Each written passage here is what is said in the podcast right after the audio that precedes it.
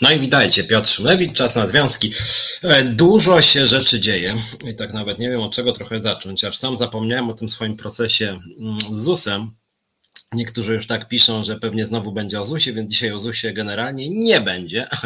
Nie chcę za każdym razem mówić o ZUSie. O ZUSie pogadam z Iloną Garczyńską pewnie za tydzień, dwa czy trzy, może za tydzień.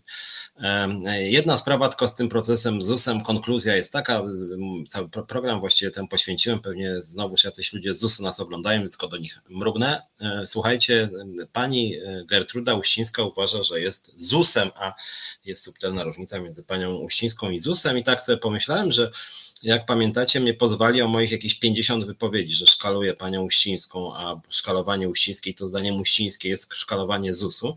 I nawet tak sobie pomyślałem, że gdybym na przykład, gdyby ta sprawa w ogóle doszła do końca i gdybym wygrał w 47 czy 37 e, częściach e, tego procesu i odrzuciliby te skargi na mnie, że mówienie o Ościńskiej, że jest zamordyską nie obraża ZUS-u, ale na przykład obraża ZUS to, że gdzieś tam mówię, nie wiem, coś o samym ZUS-ie krytycznie, to wtedy bym mógł na przykład sformułować takie przeprosiny, że właśnie mm, przepraszam, jeśli uraziłem ZUS, natomiast podtrzymuję to, że pani Uścińska jest y, szkodliwą zamordystką.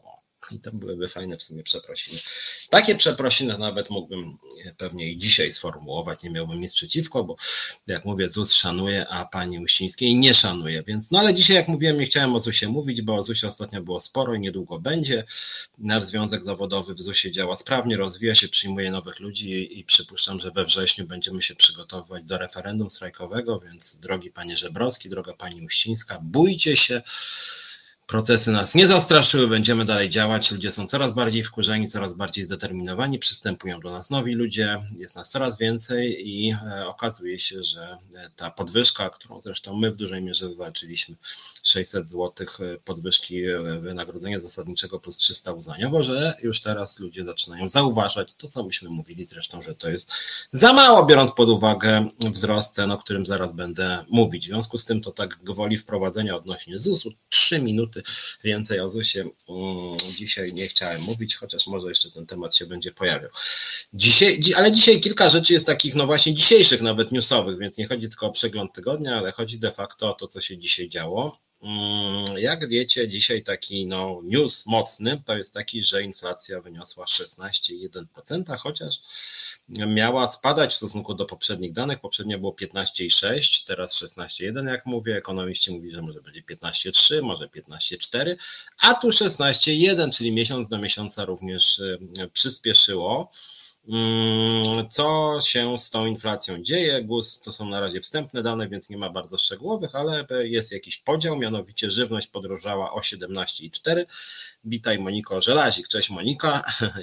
Jest tutaj z nami Monika, czyli wiceszefowa Związkowej Alternatywy, więc wracam do e, inflacji. Żywność 17,4, nośniki energii 43, paliwa do prywatnych środków transportu 23,3.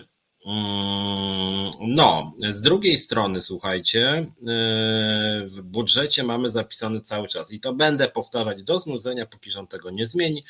W budżecie na rok 2022 inflacja wynosi 3,3 w związku z tym, jeżeli nas ktoś nawet tego ZUS-u ogląda, to może, to może przekażcie tam komuś wyżej, że to jest naprawdę bez sensu i głupie strasznie.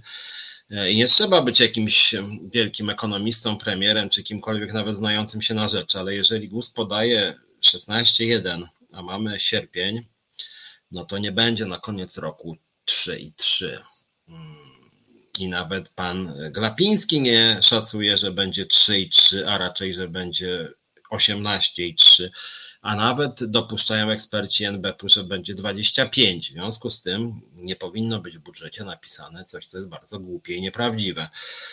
Mówię to też dlatego, że boli mnie od zawsze właściwie, a ostatnio szczególnie mnie boli, że w naszym rządzie pracują ludzie, mm, mówiąc kulturalnie, o bardzo ograniczonych horyzontach kancelaria pana premiera kosztuje już nas jako państwo, jako obywateli, bo to my płacimy podatki, ponad 700 milionów złotych. 700 milionów złotych sama kancelaria premiera, przecież są różne ministerstwa jeszcze. E, Ministerstwo Finansów to są kolejne setki milionów złotych i e, razem to są miliardy i za te miliardy ci geniusze wpisali do ustawy budżetowej, że inflacja wynosi 3,3. I uparcie nawet my jako związkowa alternatywa piszemy do premiera, panie, weź pan znowelizuj ten budżet, bo to głupie strasznie te 3 i 3. No nie można wpisywać 3 i 3, jak jest 16,1, a będzie pewnie 23. A oni uparcie 3 i 3 i to cały czas jest. Na tym jest zbudowany w ogóle polski budżet, więc jakby to jest bardzo dobry przykład tego, jak kosmiczne są założenia gospodarki polskiego państwa, jak są bezsensowne, że tak naprawdę jakbyście się spytali przeciętnego obywatela, nawet jakiegoś nie bardzo zorientowanego przed sklepem, panie, to ile te ceny rosną, to by powiedziałem, no nie wiem, 30 albo 50 albo 20 w związku z tym opinia takiego obywatela byłaby bardziej wiarygodna niż całego rządu, który nas kosztuje miliardy. Budżet byłby lepiej skonstruowany po prostu przez osobę, która nie ma zielonego pojęcia o finansach publicznych niż pana Morawieckiego i jego kolegów, którzy sobie wpisali 3 i 3. E, wpisali 3 i 3 oczywiście po to, żeby na przykład e, pochwalić się później, że większe są wpływy z podatków z jednej strony, a z drugiej strony wpisali 3 i 3, bo gdyby wpisali ponad 5, to musieliby dwa razy w roku zwiększać płacę minimalną. Oni zwiększyli raz o 7,5 bo 7,5 w 2022 wzrosła płaca minimalna, co oznacza, jak sobie łatwo wyliczyć, radykalny, realny spadek, bo jeżeli płaca minimalna rośnie 7,5, a inflacja 16,1, no to spadek płacy minimalnej, a co najmniej około blisko 10 punktów o 10%, więc najmniej zarabiający tracą. Drugi ważny wskaźnik rząd sobie zaplanował, co już jest dla mnie ważne jako lidera związkowego, że wzrost płac w budżetówce, czy wzrost funduszu płac, jak to się w Polsce liczy, wynosi 4,4 i to cały czas jest również wpisane w budżecie. Inflacja jest 3,3, wzrost płat w budżetówce 4,4, czyli zdaniem rządu rośnie realne płace 1,1, tak, bo 4,4 minus 3,3. No tylko problem polega na tym, że inflacja, jak mówiłem już trzy razy, jest 16,1, w związku z tym jakby chcieli podnieść o ten 1% y, płace budżetówce, to musieliby je podwyższyć nie o 16, nie o 4,4, tylko raczej o 17,4 a oni się nie chcą zgodzić nawet na 10. No, Monika pisze, że Lazik więcej rozdawnictwa, drukować pieniądz na potęgę i klaskać, praprawnuki będą pracować na wyrwę budżetową i długi narodowe. No, coś takiego się właśnie dzieje. Katarzyna Orlik, witaj. Katarzyno, Monika, jakbyś któryś kraj chciał nas wykupić, to na rząd bez zastanowienia sprzedałby nas. Otóż moim zdaniem właśnie by nie sprzedał, bo oni się tutaj świetnie bawią. I właśnie o to chodzi tutaj, że rząd tam sobie drukuje te pieniądze, bawi się, ale, ale dla swoich pieniądze zawsze mają. No mój w cudzysłowie ulubiony poseł Janusz Kowalski, wyjątkowy imbecyl, 2,5 miliona w rok, przypominam, to jednak warto przypominać, że taki imbecyl 2,5 miliona w rok, w rok, w rok w zarządzie PGNiG. W PGNiG ten gość, to ja po prostu mógłbym uczyć chińskiego, mniej więcej takie mam kompetencje do nauki chińskiego, jak on do zarządzania PGNiG, a zapewniam was, że nie znam chińskiego, właściwie 10 słów nie znam, właściwie jednego chyba nie znam. E, witam wszystkich w tym raju Pisowskiej Republiki Ludowej, mówi Derek Bielecki. No niestety ona jest niezbyt ludowa. Lud nie ma najlepiej ostatnio szczególnie. No ale dlaczego też mówię o tej e, inflacji? Mm, mówię o tej inflacji e, z dwóch przyczyn. To znaczy, z jednej strony, dlatego, że jestem liderem Związkowej Alternatywy i w związkowej alternatywie jest dużo pracowników sfery budżetowej na czele z pracownikami Krajowej Administracji Skarbowej. E, no mamy już tam niedługo 2000 będzie ludzi, Zakładu Ubezpieczeń Społecznych, pracowników cywilnych e, Policji, urzędów wojewódzkich, pracownicy socjalni pośrednio też, trochę nauczycieli. No generalnie rzecz biorąc mamy trochę tych pracowników sfery budżetowej i tym pracownikom sfery budżetowej, jak mówiłem, proponuje się 4,4 mm, w tym roku, 7,8 w przyszłym roku, bo powiedziałem Wam o jednym newsie, czyli o tym. Spróbuję, słuchajcie, mam nadzieję, że to będzie brzmiało jakoś zrozumiale i w miarę interesująco. Chciałem trochę dzisiaj edukacyjnie też Wam powiedzieć. Mm, no tak, PRL też miał być ludowy, Derek pisze, no PRL był chyba bardziej ludowy niż ten pisowska władza, bo tam no nie, mimo wszystko coś tam skapowało dla tych e, ludzi w postaci na przykład usług publicznych. Były biblioteki, były żłobki, e, e, były różne w ogóle formy opieki, dosyć interesujące też nad małymi dziećmi. Opieka senioralna była słaba, ale jednak bardziej rozwinięta niż dzisiaj, więc mimo wszystko trochę ten PRL chyba był bardziej przyjazny niż państwo PiS. Co nie znaczy, że przyjazny, żeby było jasne. Pewne analogie zresztą są. Być może w dalszej części programu sobie powiemy też o porozumieniach sierpniowych, aż sobie wydrukowałem postulaty sierpniowe, ale pozwólcie, że to jak zdążymy w drugiej części części programu. A na razie chciałem jeszcze o tej właśnie budżetówce i o tym wzroście cen, żeby też powiedzieć, skąd się bierze wzrost cen i co, ewentualnie można zrobić, żeby ten e, wzrost był mniejszy, więc trochę będę w roli polityka, nazwijmy to, no ale związki zawodowe, no my mamy jako związkowa alternatywa swoją wizję, w związku z tym o tej wizji, tą wizję będę starał się e, przedstawić. No ale wracając do budżetówki. Rząd przedstawił wczoraj bodaj mm, założenia budżetu na rok przyszły i przy okazji e, deklaratywnie pan premier powiedział w telewizorze, jak to jest z tą realizacją tego budżetu na ten rok, nie? No więc tak jak powiedziałem, w ustawie budżetowej jest wpisana inflacja 3,3. Mm, no tak, Katarzyna pisze, że są ludzie, którzy w ten PR wierzą i to, co więcej, ostatnio, ostatnio wyszło, że tam prawie 30% wierzy na przykład przykład wiadomości TVP. Słuchajcie, to jakim trzeba być odjechanym, żeby wierzyć w wiadomości TVP. No nie chce mi się wierzyć, że 30% Polaków bierze LSD albo grzyby halucynogenne, czy jakieś tego typu substancje, a wiadomości TVP to jest naprawdę jakieś takie ciężkie dragi. Wierzyć w coś takiego, no, no nie wiem, chciałbym powiedzieć jakiś szapobarze dla ludzi, że, że można wierzyć w coś takiego jak wiadomości TVP. To jest dla mnie jakaś niesamowita, pokrętna forma umysłowości, bardzo egzotyczna. To znaczy, bo właściwie trudno nawet robić kabaret wobec wiadomości, bo one są właściwie autoprześmiewcze. Znaczy tego się nie da sparodiować, bo to samo siebie ośmiesza.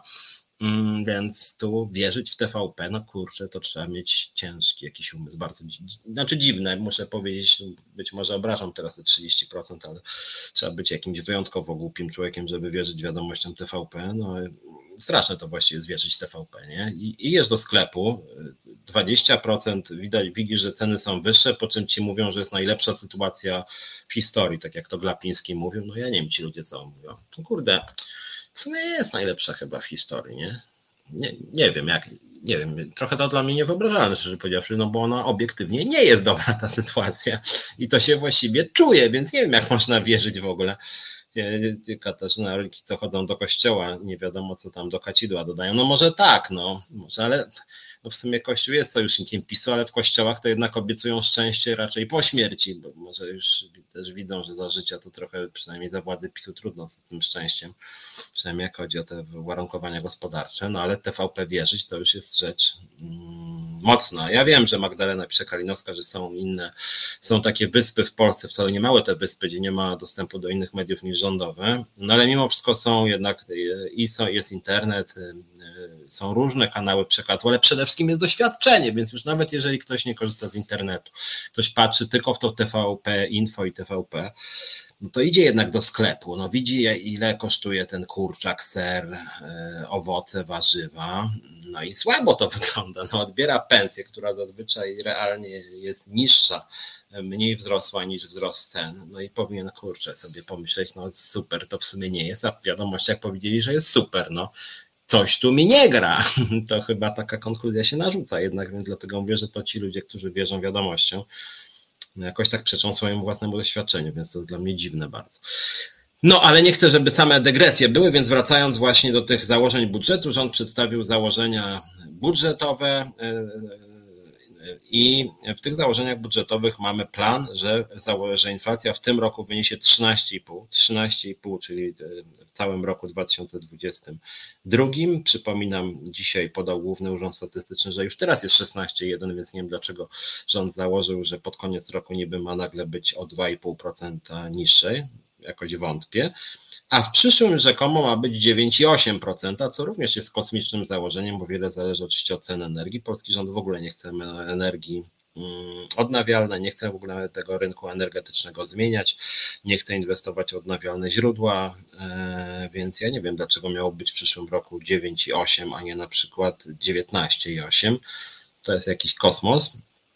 E, no ale tak czy inaczej, nawet jeżeli byśmy przyjęli, że to rządowe, że inflacja w tym roku 13,5, przyszłym 9,8, e, czyli to jest w dwa lata wzrost na jakieś 25%, a tymczasem przypominam, mm, e, wzrost płac w sferze budżetowej na bieżący rok 4,4 i na przyszły rok cały czas rząd nie zmienił 7 i 8, czyli tu mamy 13,5 y, plus 9,8, a po drugiej stronie wzrostu płac w budżetówce mamy 4,4 i 7 i 8. czyli prawie 10% spadku realnych płac w tym roku i później jeszcze spadek płac o 2 punkty procentowe w przyszłym roku. To chyba jest y, zrozumiałe dla wszystkich. Krótko mówiąc, setki tysięcy pracowników budżetówki będzie miało radykalnie niższe pensje. Już te pensje spadają i rząd planuje w oficjalnych dokumentach, że chce te pensje jeszcze obniżyć. Więc nie wiem, jak można być na przykład pracownikiem budżetówki i popierać prawo i sprawiedliwość to jest dla mnie rzecz dosyć szokująca. E, Monika pisze, że trochę za bardzo tłumaczymy wygodnictwo ludzi brakiem dostępu do różnych mediów, ceny poszły w górę potwornie, tylko głupek potrzebuje mediów, aby to zauważyć. No właśnie dlatego dla mnie doświadczenie jest kluczowym kryterium. No jednak ludzie nie mają, ci głosujący przynajmniej 9 lat, robią zakupy od lat, Platforma nie była za fajną władzą, dzisiaj powiem też trochę krytycznie o Platformie, no ale inflacja była rzędu 1%, mm, ona stała w miejscu, była deflacja przez dwa lata, z tego co dobrze pamiętam, czyli spadek cen. Mm, pensje za szybko nie rosły, no ale realnie to wychodziło tak na zero, troszkę rosły realne płace. Teraz realne płace budżetówce w szczególności mają szybko spadać, już spadają. No i trudno tego nie zauważyć.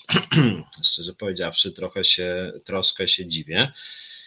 E, no, dlaczego ważne jest to, dlaczego ja w ogóle o tym tak dużo mówię? Bo z jednej strony oczywiście mówię to ze względu na Agatę Jagodzińską, Jonę Garczyńską, tysiące pracowników skarbówki, ZUS-u, pracowników e, policji, pracowników socjalnych, nauczycieli, mm, strażaków, wielu grup, które są bezpośrednio lub pośrednio finansowane z budżetu państwa.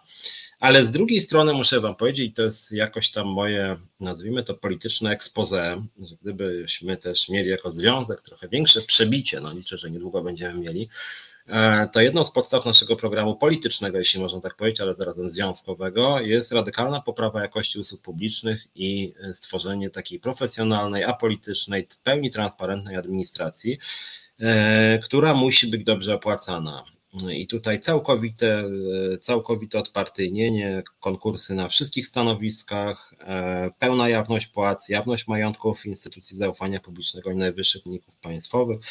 To jest takie moje klub programowe, jeśli można powiedzieć, polityczne też i związkowe zarazem, jako lider związkowy uważam, że e, naprawa e, państwa, naprawa administracji publicznej, poprawa jakości usług publicznych to powinien być absolutnie podstawowy cel polskiego państwa, natomiast niestety Prawo i Sprawiedliwość poza wieloma innymi wadami robi wszystko, żeby to państwo zniszczyć, to znaczy, żeby zdezawuować właśnie te podstawowe zawody, żeby obniżyć jakość usług publicznych, żeby upartyjnić administrację. Jest strasznie to wszystko nietransparentne, arbitralne, kolesiowskie, nepotystyczne. No i właśnie, i właśnie w ciągu dwóch lat mają te pensje w budżetówce jeszcze się zmniejszyć. My jako Związkowa Alternatywa proponujemy, żeby te płace co najmniej wzrosły w tym roku o 20% i w przyszłym roku o 20%, czyli żeby nastąpił istotny, realny wzrost płac w sferze budżetowej. Nie tylko dlatego, żeby ludziom się, tym pracownikom e, budżetówki żyło lepiej, ale dlatego, że budżetówka to są rzeczywiście podstawowe, fundamentalne usługi, które szczególnie w czasie kryzysu, który cały czas ma miejsce, no są szczególnie ważne. I mając na myśli kryzys, mam na myśli kryzys uchodźczy, kryzys wojenny, kryzys e, koronawirusowy, właściwie tych zjawisk, no takich strasznych dosyć jest bardzo dużo. E, I no mamy jeszcze takie, takie żywioły, które sam rząd e, zrobił, że tak powiem, takie wrogie siły dla społeczeństwa, czyli na przykład Polski Ład. Już mało kto mówi o Polskim Ładzie, czyli tej reformie podatkowej. Tu się muszę, mm, e, że tak powiem, z szacunkiem tutaj pokłonić pracownikom Krajowej Administracji Skarbowej, że oni pracują cały czas chyba na pięciu systemach podatkowych, bo pamiętajcie o tym, że system podatkowy polski jest zmasakrowany, zmasakrowany, tylko niestety to jest tak, że polskie media tutaj odra dwa tygodnie, później jakaś kolejna katastrofa dwa tygodnie, później idziemy, że nie wiem, Sasin ukradł 100 milionów to, to trzy dni, Ziobro zmarnował 200 to znowu trzy dni, więc o Polskim Ładzie już nikt nie pamięta, natomiast mamy totalnie rozwalony, dosłownie rozwalony system podatkowy, on wcale nie został naprawiony, wcale nie został naprawiony. I co się będzie działo w kwietniu, ja biednym pracownikom skarbówki nie zazdroszczę, bo to z kilka systemów podatkowych jakiś koszmar po prostu. I za to oczywiście odpowiada rząd, pracownicy skarbówki, to oni będą na pierwszej linii frontu, oczywiście podwyżek żadnych z tego powodu nie dostali. No i to jest jakby jeden z tych żywiołów, które wywołał rząd i oczywiście pieniędzy za to nie daje. Więc, więc tu chociażby z tego powodu pracownicy skarbówki powinni mieć jakieś podwyżki. Oczywiście ich nie mają. Pracownicy skarbówki, podobnie jak i ZUS-u, podobnie jak i szkolnictwa, podobnie jak i pracownicy socjalni też obsługują setki tysięcy uchodźców z Ukrainy. Tak się Polska tymi Ukraińcami chwali, jak to jesteśmy gościnni. Po pierwsze, z tą naszą gościnnością bywa różnie, a po drugie, jeżeli chcemy być gościnni, no to właśnie stwórzmy profesjonalne, e, profesjonalne instytucje, które tych Ukraińców obsłużą, tak jak to się w Niemczech robi, tak? A tymczasem w Polsce Ukraińców obsługuje m.in. ZUS, KAS, e, właśnie DPS-y, no i pieniędzy dodatkowych jakoś na te nowe świadczenia e, nie ma i właśnie na tym to między innymi na tym to między innymi polega. Monika pyta, gdzie jest pan Piotr Duda. Pan Piotr Duda jest, z tego co widziałem na zlocie z panem Morawieckim i z szefami spółek Skarbu Państwa, świętował dzisiaj rocznicę 42 porozumień sierpniowych w, w obstawie rządowej, chyba razem z panem Kurskim też, więc jakby dzisiaj Solidarność no taka stała się takim CRZZ-em, no ale o tym być może jeszcze powiem, bo jak mówię, wypisałem sobie te, e, te postulaty sierpniowe, to jest ciekawe, bo część z nich moim zdaniem jest pełni aktualna, część niekoniecznie, mówiąc delikatnie. Natomiast nie ulega wątpliwości, że niezależnie od tego, które są aktualne, a które nie, to to, co się stało z Solidarnością, no tak się zawahałem przez chwilę, to jest jednak dosyć żenujące i smutne właściwie. Eee, takie kompromitujące. Piotr Duda, który zdaje się, że dzisiaj w ogóle, co on tam mówił, bo oczywiście TVP relacjonowało, zaczął chyba od Szczęść Boże, jakąś właśnie wspaniałą mamy władzę, Szczęść Boże władzę, tak? i tak sobie spijali z dzióbków tam z Morawieckim i spółką i z tymi prezesami spółek Skarbu Państwa. Obrzydliwe, obrzydliwe. Ja muszę powiedzieć, że jak widzę pana Dudę trochę mi się niedobrze robi. Za to chyba mnie nie pozwie, bo ma prawo mi się niedobrze robić, jak widzę Piotra Duda. Nie chodzi wcale o jego wygląd, tylko o jego słowa, bo to jest rzecz karygodna, co się zrobiło nam z Solidarnością. E, smutne bardzo. Magdalena Kalinowska, nauczyciele też dostali podwyżki tak duże, że w nowym roku znów będą mieć minimalną pensję. Zresztą tak na marginesie rząd już nie może powiedzieć, że w przyszłym roku będzie inflacja na poziomie 3,3, mm, więc sami zgodzili się, że 9,8, które też jest nierealistyczne, ale przypominam, zgodnie z polskim prawem, jak jest ponad 5% inflacja, to trzeba dwa razy waloryzować płacę minimalną. W związku z tym płaca minimalna w przyszłym roku musi wzrosnąć tam o co najmniej 350 zł. No i, i co to oznacza? To oznacza między innymi, że nauczyciele, pracownicy socjalni, pracownicy poczty będą mieli podwyżkę z automatu, tak, że trzeba będzie im podnieść, e, dlatego że, e, no, że właśnie rośnie płaca minimalna, na przykład na porcie to bodaj ponad połowa pracowników poczty zarabia płacę minimalną. No i znowuż będzie chwalenie się, jak to władza nie podniosła płacy minimalnej. Pani Uścińska powie, proszę bardzo, tu 300 zł, nie? No, a będzie to po prostu wzrost płacy minimalnej, trzeba podnieść, tak? I w związku z tym taka będzie wielka zasługa polskiego e, państwa. E, będzie to po prostu ustawowy wzrost płacy e, minimalnej. E, czy to znowu ZUS będzie robił dopłaty do węgla? No właśnie, ZUS w ogóle przejmuje właściwie wszystkie obowiązki, dlatego oni tak się boją, mm, że, że my zrobimy strajk. Gosza pyta, czy ład ruski obowiązuje. Monika odpisuje, że nowa wersja liczba. No właśnie, nowa wersja obowiązuje, ale jest też tak, że zgodnie z przepisami mm, podatnik nie może stracić i, i, i, jakby skarbówka musi wybrać tą wersję systemu podatkowego, która jest korzystniejsza dla podatnika. A w związku z tym, że w tym roku było bodaj już pięć systemów podatkowych, to teraz skarbówka będzie miała e, obowiązek oszacować, który system podatkowy dla podatnika jest najlepszy. Jeżeli się skarbówka pomyli, bo na przykład o 5 zł od lipca będzie jakiś e, ten wcześniejszy ład przed tym obecnym polskim ładem lepszy, to wtedy skarbówka będzie musiała zmienić decyzję, przeprosić, będzie postępowanie. E, być może będą sprawy w sądzie, a strasznie dużo rzeczy się zmieniało, więc będzie, krótko mówiąc, totalny, totalny e, bałagan po prostu. E, jak to będzie policzone, trudno powiedzieć, dlatego Katarzyna ma rację, że będzie wielki syf, wszystko zostało zrzucone na skarbówkę i będą pretensje oczywiście do skarbówki. Skarbówka będzie zarabiać mało, jeszcze będzie miała, że tak powiem, pretensje podatników. Nie, ludzie oczywiście nie będą mieli pretensji do rządu, tylko będą mieli pretensje do skarbówki, chociaż właściwym adresatem pretensji oczywiście jest głupi rząd który rozwalił po prostu e, system e, podatkowy, e, więc słusznie Monika współczuje skarbówce ZUS-owi innym pracownikom, którzy są źle opłacani, a Ministerstwo Finansów, rząd, kancelaria pana premiera, różne urzędy centralne, mówię teraz o władzach tych urzędów, są bardzo dobrze opłacane, sami sobie podnieśli. Więc to jest też bardzo smutne i o tym chciałem powiedzieć, więc apeluję do Was, jak macie często pretensje, bo ja często rozmawiając z ludźmi sam się z tym spotykam, Mianowicie ludzie nie lubią ZUS-u, nie lubią skarbówki, nie lubią urzędników, a słuchajcie, to nie, nie powinniście nie lubić urzędników, powinniście nie lubić rządzących. To oni tworzą takie przepisy, które to pracownicy ZUS czy skarbówki mają realizować. To nie jest ich wina. To nie jest wina pracowników ZUS-u, że muszą e, egzekwować głupie przepisy, które narzucił im rząd e, czy parlament. E, w związku z tym ZUS czy skarbówka tylko wykonuje polecenia władzy centralnej, natomiast dodatkową winą władzy centralnej jest to, że te urzędy są totalnie niedofinansowane, totalnie niedofinansowane. E, jak nawet pani Lubnauer z opozycji bodaj ostatnio coś takiego powiedziała, że jak chodzi o skrócenie czasu pracy, najlepiej skrócić właśnie w jakichś tam urzędach państwowych typu skarbówka, bo tam to naj, jest najlepsze miejsce do tego, żeby skracać czas pracy. To my tłumaczymy i rządowi, i opozycji. Nie, Pracownicy skarbówki są przepracowani, są niedobory zatrudnionych, ludzie mają nowe obowiązki, w związku z tym, jeżeli by skrócić czas pracy w skarbówce, ja jestem za skróceniem czasu pracy, ale w takim razie rzeczywiście trzeba by no, zatrudnić dużo nowych pracowników też po prostu, bo są strasznie duże niedobory w skarbówce. Mm, I rzeczywiście ludzie są przemęczeni, nie, nie ma dodatkowych pieniędzy, a są dodatkowe obowiązki. W związku z tym, no, tak jak to też Katarzyna Orlik napisała, że to samo jest z ZUS-em, że ZUS jest mega obciążony, dużo osób odchodzi, mają dość zadań, przybywa. No trudno się dziwić też, że ludzie odchodzą z ZUS-u, skarbówki, czy wielu innych e, zawodów związanych z budżetówką, skoro, przypominam, w budżetówce w tym roku e, płacę z fundusz płac wzrósł o 4,4, a dla niektórych mniej nawet, bo to fundusz płac, czyli nie waloryzacja dla wszystkich, tylko, tylko jednym się podnosi 4,4, innym 7,8, a jeszcze innym 2,2. Mm, natomiast, e, natomiast w gospodarce narodowej płace rosną, szczególnie w sektorze przedsiębiorstw, e, blisko 15%.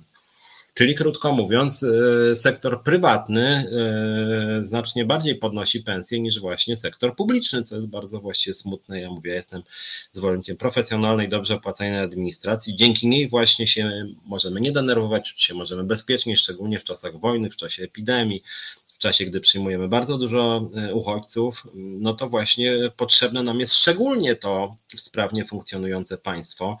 E, przypomnę też, że, że, że, że bardzo wiele osób dzisiaj ma problemy jeszcze, jak chodzi o koronawirusa. To nie chodzi tylko o to, że ludzie są chorzy, ale też są różne powikłania, więc powinny być dodatkowe pieniądze na ochronę zdrowia, na opiekę senioralną, bo często zdrowie seniorów się pogorszyło po koronawirusie. Oni wymagają, że tak powiem, monitoringu ze, ze strony jakichś służb pomocy społecznej, e, jakiejś opieki właśnie ze strony państwa. Nie ma czegoś takiego, tak? PiS woli dawać swoim aparatczykom, ewentualnie, ewentualnie dali na zbrojenia, żebyśmy mieli więcej czołgów, tak? Natomiast przy całym szacunku yy, dla czołgów uważam, że znacznie ważniejsze są dzisiaj na przykład placówki, instytucje państwowe opieki senioralnej, bo co nam z czołgów, jeżeli ludzie będą po prostu masowo umierać, a przypomnę, jak chodzi o epidemię koronawirusa, Polska bodaj obok chyba Bułgarii była tym krajem, gdzie najwięcej ludzi zmarło, tych nadwymiarowych zgonów, na właśnie w dużej mierze na bierność państwa. Po prostu polskie państwo zawiodło, nie było ochrony zdrowia, nie było opieki senioralnej, nie było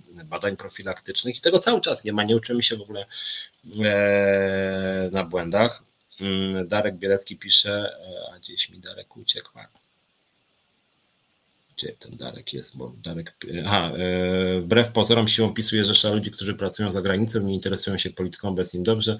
Ci, którzy są w kraju, jest im gorzej, są zbyt małą grupą. No nie, chyba PiS wygrywa też w Polsce, PiS wygrywa na terenach wiejskich, PiS wygrywa wśród starszych ludzi. Ja dłuższego czasu mówię, że ja tego nie rozumiem, dlaczego PiS wygrywał u starszych ludzi. To jest być może też jakaś e, jakaś e, bierność opozycji, że ona nie tworzy alternatywy, o czym postaram się dzisiaj trochę powiedzieć.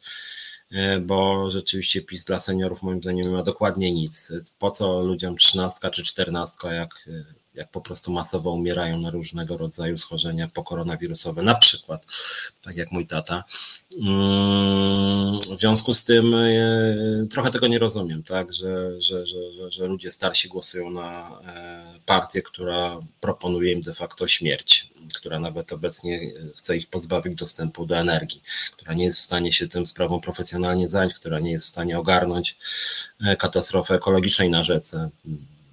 Miesiąc prawie po, po, po tym, jak się dowiedziała o tym, że ta rzeka jest zanieczyszczona, partii, która zanieczyszcza środowisko i w ogóle nie ma żadnej propozycji tutaj y, partii, która w ogóle nie zajmuje się transportem publicznym. No można długo wymieniać, tak? Więc ja się dziwię, dlaczego seniorzy głosują na PiS, bo PiS jest partią, moim zdaniem, która dokładnie nienawidzi starszych ludzi, tak, która doprowadziła do masowej śmierci. No mówię, najwięcej z Unii Europejskiej, bodaj obok Bułgarii, która jest przecież na znacznie niższym poziomie rozwoju cywilizacyjnego, więc to była katastrofa w ogóle i w czasie tej katastrofy, moim zdaniem, dzisiaj poparcie PiSu dla seniorów wśród seniorów powinno wynieść, no nie wiem, 1%, tak, rodziny polityków PiSu, tego jest coraz więcej tych rodzin, bo oni tam rozdają sobie te stołki również swoim jakimś tam babciom, dziadkom, rodzicom, no ale mimo wszystko się dziwię.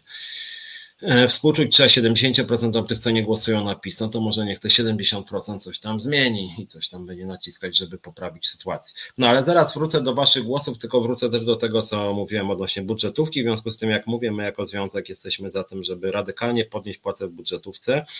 Nie tylko dlatego, żeby ludziom się po prostu żyło lepiej, no bo każdemu chce się żyć lepiej, ale też dlatego, że po prostu wysokiej jakości usługi publiczne, administracja to jest bardzo, bardzo, bardzo ważny element funkcjonowania państwa i społeczeństwa i to jest takie nasze związkowe trochę ekspoze, jeden z ważniejszych postulatów, żeby właśnie zadbać o tą budżetówkę, więc jak ktoś nam mówił, właśnie to dlaczego poprawiać, e, podwyższać płacę w budżetówce, no to my odpowiadamy, ponieważ jest to, zwraca się to całemu społeczeństwu, dzięki temu dzięki temu właśnie ludziom żyje się lepiej, dzięki temu ludzie czują się bezpieczniejsi, dzięki temu, e, tak na marginesie też jak chodzi o ZUS czy KAS, e, firmy lepiej funkcjonują, ludzie mają płynny dostęp do świadczeń różnego rodzaju, mają dobry kontakt z państwem, jak jest epidemia na przykład, to wtedy można się do urzędu zgłosić. W Polsce wiemy, było z tym słabo, między innymi dlatego, że urzędy były niedofinansowane.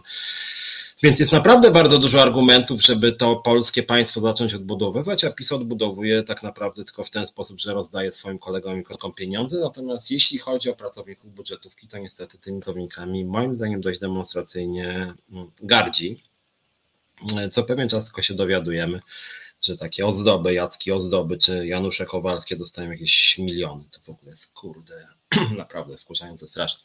Eee, wrócę do tych waszych głosów. Urzędnicy też mają za uszami, pisze Gosza. Znaczy wiesz Gosza, no jedni mają, inni nie mają, ale my jako związek e, bardzo jasno mówimy, że trzeba też naprawić administrację w ten sposób, żeby na przykład wprowadzić jawność płac, jawność konkursów, jawność procedur wszelkiego rodzaju, żeby właśnie nie było takich możliwości, że na przykład jak w ZUS-ie Ilona Garczyńska nieraz mówiła, że różnego rodzaju nagrody, premie, awanse są rozdawane po, kole, po koleżeńsku, że tak powiem, że nie ma jak tego właściwie sprawić, że nie ma procedur, że nie ma transparentności, e, więc trzeba właśnie zrobić, że coś takiego, żeby ten etos urzędniczy naprawić, tak? E, PiS też zniszczył służbę cywilną, której skarbówka jest częścią, czy na przykład zlikwidował wymóg bezpartyjności. Jest bardzo dużo tutaj rzeczy do do zmiany. Gdyby tak na marginesie czasem z Moniką Żelaznik się śmiejemy, jak rozmawiamy w naszym zarządzie związku, że gdybyśmy wprowadzili tą totalną transparentność płac mm, czy majątków organizacji zaufania publicznego od fundacji, stowarzyszeń, związków zawodowych po kościoły, partie i inne tego typu organizacje, to pewnie nikt by się z nami nie zgodził ani Kościół oczywiście katolicki, ani Prawo i Sprawiedliwość, ani na przykład y, Platforma Obywatelska czy Lewica. Oni też bardzo nie lubią mówić o swoich pieniądzach. Oni też w samorządach niestety bardzo często ukrywają swoich kolegów i koleżanki i te mianowania są, mówiąc delikatnie, mało mm, w oparciu o kryteria mało merytoryczne. Eee, no niestety. Mm, słuchajcie, natomiast wracając, bo chciałem jeszcze dwa słowa w tym kontekście. Kiedyś w Urzędzie Skarbowym Pitagosza, że nieźle ludzie zarabiali. A czy w Polsce nigdy administracja państwowa nie była specjalnie przedmiotem mm, i podmiotem szacunku społecznego i szacunku państwa? Nie było takiej partii, która by stawiała na wysoką jakość usług publicznych i troska o administrację, właściwie to Związkowa Alternatywa jest takim środowiskiem, nie partią, która właśnie bardzo, bardzo mocno i głośno stawia na usługi publiczne i na wysokiej jakości administrację. Chociaż Katarzyna pisze, że kiedyś był prestiż zarobki, ale wydaje mi się, że nigdy nie było tak w pełni, bo ja przypominam sobie tak jak, jak żyję, że tak powiem, że zawsze ludzie narzekali na skarbówkę, narzekali na ZUS, Monika ma nadzieję, że, zła, że sytuacja jest na tyle frustrująca, że też mobilizująca. No też mamy taką nadzieję, my oczywiście mobilizujemy. E, zresztą przypominam, mm, no jestem liderem Związkowej Alternatywy, więc zapraszam Was wszystkich, żebyście do nas przystąpili, bo część z Was, sam to wiem, bo widzę nawet dzisiaj odbierałem takie maile, piszą do nas ludzie, słuchajcie, źle się dzieje, trzeba koniecznie coś zrobić, najwyższy czas, żeby przekonać tą władzę.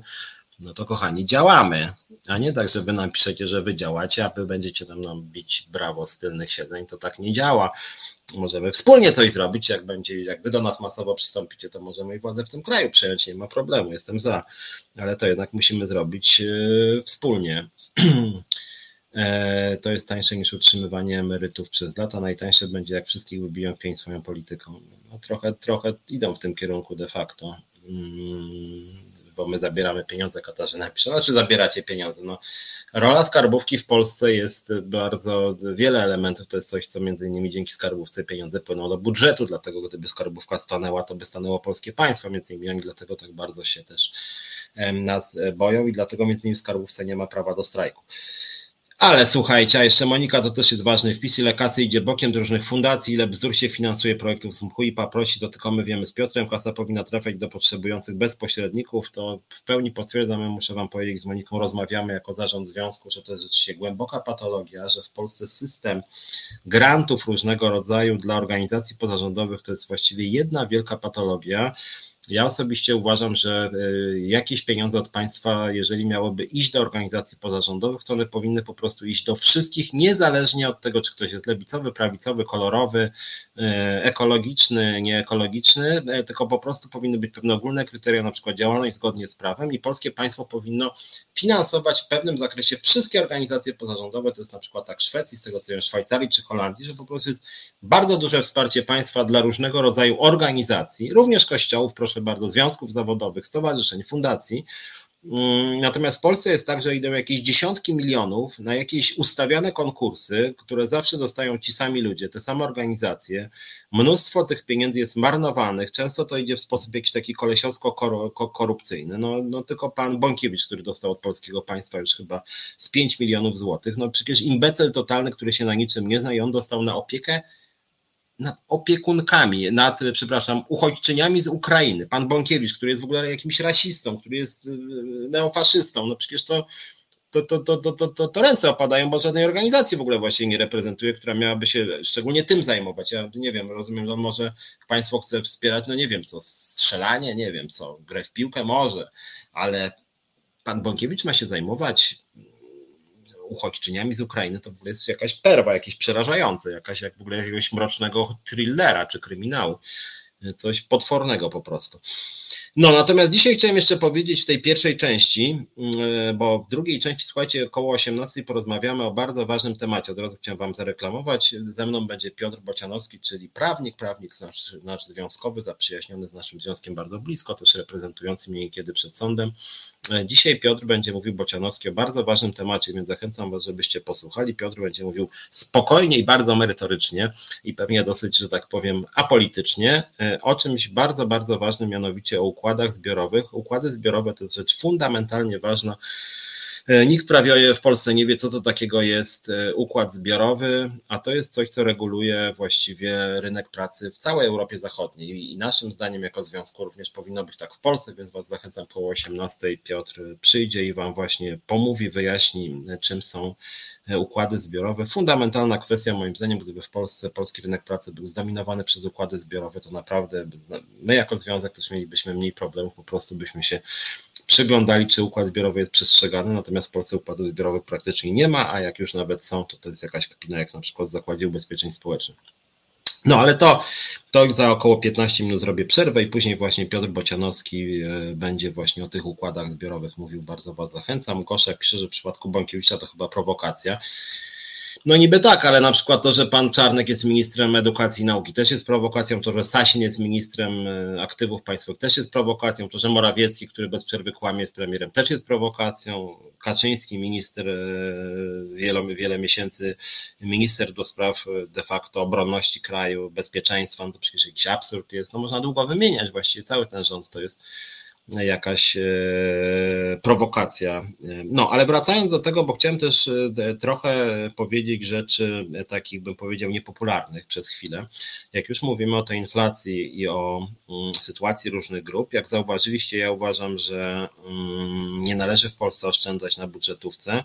Niezależnie od tego, czy jest inflacja, czy nie ma, budżetówka powinna być dobrze traktowana, bo to jest podstawa dobrego życia społeczeństwa. To znaczy, jeżeli będziemy mieli dobrą administrację, jeżeli będziemy mieli dobrych nauczycieli, dobrze opłacanych, godnie, jeżeli ta administracja będzie dobrze funkcjonować, a przez administrację mam na myśli szeroko rozumianych pracowników budżetówki, no to rzeczywiście będzie nam się żyło lepiej, stąd też te nasze postulaty 20% podwyżki w tym roku, 20% w przyszłym.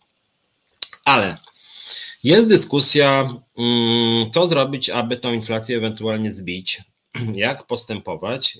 I słuchajcie, do tego, do tego wątku zainspirowała mnie też wymiana zdań między panem Trzaskowskim i panem Hołownią. Mm, jest coś takiego jak Campus Polska. Mm, dzisiaj się kończy. Mm, ja muszę Wam powiedzieć, że jestem tym bardzo rozczarowany. Jest to słabe moim zdaniem merytorycznie i to jest taka impreza, która trochę potwierdza, że niestety opozycja nie ma specjalnie pomysłu jakieś alternatywy e, wobec rządów PiSu.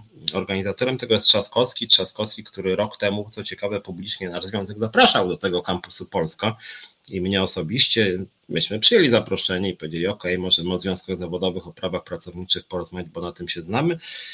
Po czym minął rok i oczywiście nie zostaliśmy zaproszeni. Mm, ale nie o to akurat tutaj chodzi. Ja nie muszę być zapraszany. Myślałem, że przynajmniej zrobi bez nas jakiś ciekawy panel pan Trzaskowski o rynku pracy, natomiast nie zrobił nic. Nic, to znaczy, jeśli chodzi o kampus Polska, nie ma nic o prawach pracowniczych i łamaniu, nic o nierównościach społecznych, nic zupełnie o związkach zawodowych, nic o kodeksie pracy, nic o ustawie o rozwiązywaniu sporów zbiorowych, po prostu temat rynku pracy dla twórców kampusu Polska nie istnieje. Natomiast e, zacząłem wątek inflacji, bo e, była dyskusja między panem Hołownią i Trzaskowskim właśnie mm, i i słuchajcie, padło pytanie z sali od jakiegoś młodego człowieka studiującego ekonomię, mm, tak przynajmniej się przedstawił, e, mianowicie nieagresywnie, żeby było, nie brzmiało to jakoś konfederacyjnie, tylko tak z boku się spytał, ze znakiem zapytania bez tezy, o tak. Jak panowie się zapatrują na politykę PiSu wobec e, e, inflacji? Czy mm, rzeczywiście dobrym pomysłem jest to, żeby wszystkie te świadczenia, które oferuje PiS, mm, zachować? Czy, czy, czy, czy, czy to jest dobre, tak? Czy może jednak niektóre z nich są na przykład błędne, wadliwe, nie? niepotrzebne?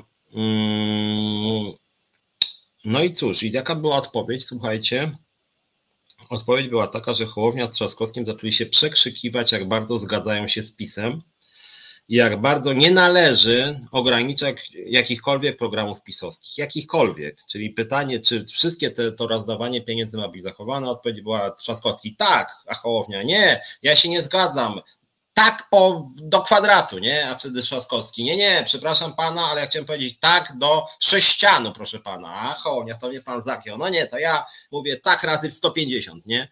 No i generalnie panowie powiedzieli, że w tej trudnej sytuacji trzeba popierać wszystkie projekty pisowskie, wszystkie, całe to rozdawanie pieniędzy, więc ja już tak sobie naprawdę myślę, że jakby teraz PiS wprowadził projekt na przykład parówkowe plus na parówki 100 zł miesięcznie dla każdego obywatela, to by było głosowanie w Sejmie 458 posłów za i dwóch y, tłumaczyłoby się, że też byli za, ale pomylili się, nie? E, nikt przed wyborami nie powie, że trzeba coś likwidować, Gosza mówi. No dobra, no ale jeżeli tak, to po co nam opozycja? No, jeżeli, jeżeli nikt przed wyborami nie powie, że trzeba coś zlikwidować, na co wpadła władza, no to, to, to, to część ludzi sobie zadaje pytanie, po co nam opozycja? No bo mi się na przykład w ogóle nie podoba większość tych rozwiązań rządowych. Ja bym szczerze powiedziawszy głosował przeciwko właściwie wszystkim tym. Tarczy antyinflacyjnej, tarczach antykryzysowych, tarczach dla przedsiębiorców, wakacjach kredytowych, bonach turystycznych, no to wszystko jest moim zdaniem jakaś, jakieś głupie, niespójne, nielogiczne. Właściwie nie wiadomo po co. No na przykład, no weźmy sobie pierwsze lepsze z brzegu, co opozycja się zachwyca też i tylko chce jeszcze więcej. E, 3000 zł na węgiel dodatku, kiedy nie ma węgla. No, przecież to, to jest w ogóle jakiś bareja, nie? Nie mają węgla, pewnie go nie będzie i oni mówią, że węgla może nie ma, ale wam damy 3000 na węgiel, którego nie ma, nie? I macie nam bić brawo. No, no przecież to jest kurde. Jeżeli problemem jest brak węgla, no to zadaniem władzy jest załatwić węgiel, a nie 3000, które się nazywa 3000 na węgiel, którego nie ma. No jaki to ma sens? Przecież to jest zupełnie idiotyczne. No, jakby przeciwko się głosuje przeciwko czemuś takiemu. Jeżeli z drugiej strony jest problem z gazem, to opozycja nie powinna mówić dorzućcie jeszcze po 3000 na gaz, tylko załatwcie ludziom gaz. No chyba to ma sens, nie? Nie sądzicie? Bo jeżeli władza kombinuje, że po prostu komuś brakuje kasy ze względu na wzrost cen, no to nie wiem, to najbiedniejszym można dać jakiś zasiłek, na przykład podnieść zasiłek dla bezrobotnych, o czym nikt nie mówi. Yy, można na przykład odciążyć ludzi, yy, odciążyć ludzi yy, od jakichś wydatków, na przykład prowadzić, nie w Niemczech w pewnym momencie była na przykład transport publiczny za tam 10 euro czy 9, tak, no, po całym kraju czy coś takiego, tak? Przede wszystkim moim zdaniem, jak chodzi o cenę energii, przypominam, nośniki energii o 40% wzrosły, no to władza powinna bardzo szybko, podobnie jak robią Niemcy, dążyć do tego, żeby zmienić strukturę rynku energetycznego, tak żeby inne formy energii były, żebyśmy postawili wreszcie na energię odnawialną, nie? E, no bo inna, tak jak Gosza pisze, to, to jest po prostu zatykanie gąb, gęb łapówkami. No to jest taka łapówka, no bo słuchajcie, jak to 3000 na węgiel, którego nie ma? Przecież to jest idiotyczne. No jakby nie było, jest to idiotyczne zupełnie. I jeszcze teraz opozycja chce dodawać po kolejnym tysiaku czy dwóch na inne formy energii, których nie ma. No jak, jak, jaki to ma sens, słuchajcie? No ja tego trochę, trochę nie rozumiem, dlaczego opozycja tego nie wyśmiewa, nie głosuje przeciwko.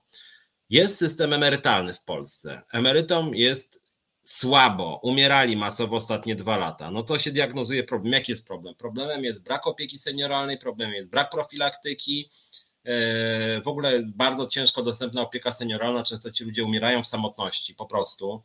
Państwo nawala. To co robi rząd? Zamiast zainwestować na przykład 50 miliardów złotych w opiekę senioralną, ponieważ prywatnie ludzi na to nie stać, bo to kosztuje 4-5 tysięcy miesięcznie, coś takiego, czyli stać na to 5% najbogatszych obywateli, to państwo mówi, dobra, to my tym seniorom damy 13 emeryturę, a później 14, a jeszcze Duda powiedział teraz, co właściwie jest jak z Monty Pythona, tylko że on może da 15. Czyli jest problem. Problem polega na braku dostępu seniorów do ochrony zdrowia, do różnych form opieki, które są bardzo drogie i bardzo trudne instytucjonalnie. I nie da się tego indywidualnie załatwić, więc to jest sam raz coś dla państwa. To rząd mówi, my nic nie damy tym seniorom, żadnych badań profilaktycznych, opieka zdrowotna leży, nie, nie umiemy się tym zajmować, ale damy seniorowi tam, nie wiem, tysiąc złotych jednorazowo i to tak damy, że być może y, za rok już zabierzemy, żeby to nie było tak, że to jest po prostu podwyżka emerytur, tylko dorzucimy trzynastkę i czternastkę.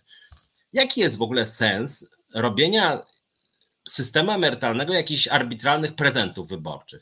Jeżeli władza chce podnieść ludziom emerytury, tak jak i pensje, to podnosi, tak jak mówiłem, na przykład w budżetówce, no to dajcie 20% podwyżki wynagrodzeń zasadniczych, 20%.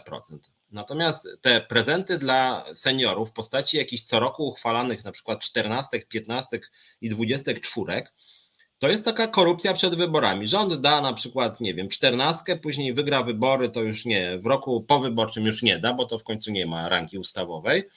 Mm, no więc generalnie to jest psucie prawa. No to znaczy zamiast podnieść po prostu emeryturę, tak jak pensję podnieść na przykład o 30%, zamiast jakichś 13, 14, po prostu by wypadało podnieść emeryturę. Nie, to ma sens chyba, prawda? W związku z tym partia opozycyjna powinna moim zdaniem głosować przeciwko jakiejś 14 i głosować za wyższą miesięczną emeryturą, nie? Znaczy alternatywa bardzo prosta jest. Chcemy, żeby emeryci mieli trochę więcej pieniędzy, podnosimy im emerytury. Chcemy, żeby pracownicy budżetówki mieli wyższe pensje, to nie mówimy dostaniecie jednorazową nagrodę 600 zł, tylko dostaniecie na przykład podwyżkę płac o 300 zł miesięcznie. Zresztą to się bardziej troszkę kalkuluje, jak łatwo obliczyć. No właśnie, po czym co widzimy? Widzimy, że 448 posłów głosuje za, a 12 się wstrzymało nad propozycją typu 14 emerytura. Przecież to jest idiotyczne zupełnie. E, czy na przykład te bony turystyczne. Jak chodzi już o inflację, to co przyczynia się do wzrostu inflacji? Słuchajcie, no między innymi prezenty dla. No Monika jednak by chciała parówkowe. No widzisz, Monika, tylko jak już by uznała władza, chociaż to oczywiście bez sensu, bo parówki to są w większości, jak niektórzy mówią, że parówki w Polsce są w ogóle bez mięsa, że to jest papier e, plus plastik.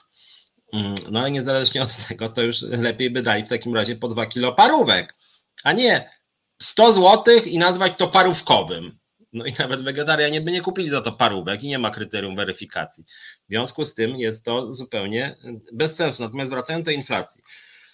Wydatki, które zwiększają inflację, to są takie wydatki, które na przykład trafiają do ludzi dosyć e, majętnych, którzy mogą wydawać e, więcej pieniędzy na pewne dobra, mm, które, e, które, że tak powiem, nakręcają koniunkturę w sytuacji, w której generalnie jest kryzys. I co mam tutaj na myśli? Mam na myśli między innymi to, o czym już wspominam, ale to jest ważne. Co przyczyniło się poza wzrostami cen na rynkach światowych, na przykład energii, do wzrostu inflacji? Między innymi tak zwane tarcze antykryzysowe rząd podarował 250 miliardów złotych przedsiębiorcom. 250 miliardów złotych prezentu, z czego warto przypominać w 2020 roku, kiedy nastąpił spadek PKB w Polsce o 2,5%, oszczędności na depozytach firm wzrosły o 19%. 19 kurcze procent. 19% przy spadku PKB. Czyli co to znaczy? To znaczy, że rząd dał wielomiliardowy prezent dla firm. Wielomiliardowy prezent dla firm, które po prostu zaczęły sobie tonąć w kasie. 2021 rok, kolejny rok kryzysu, depozyty rosną o 11%, czyli w dwa lata 30% dla firm prezentów, dla firm, które jak się okazało wcale nie miały problemów.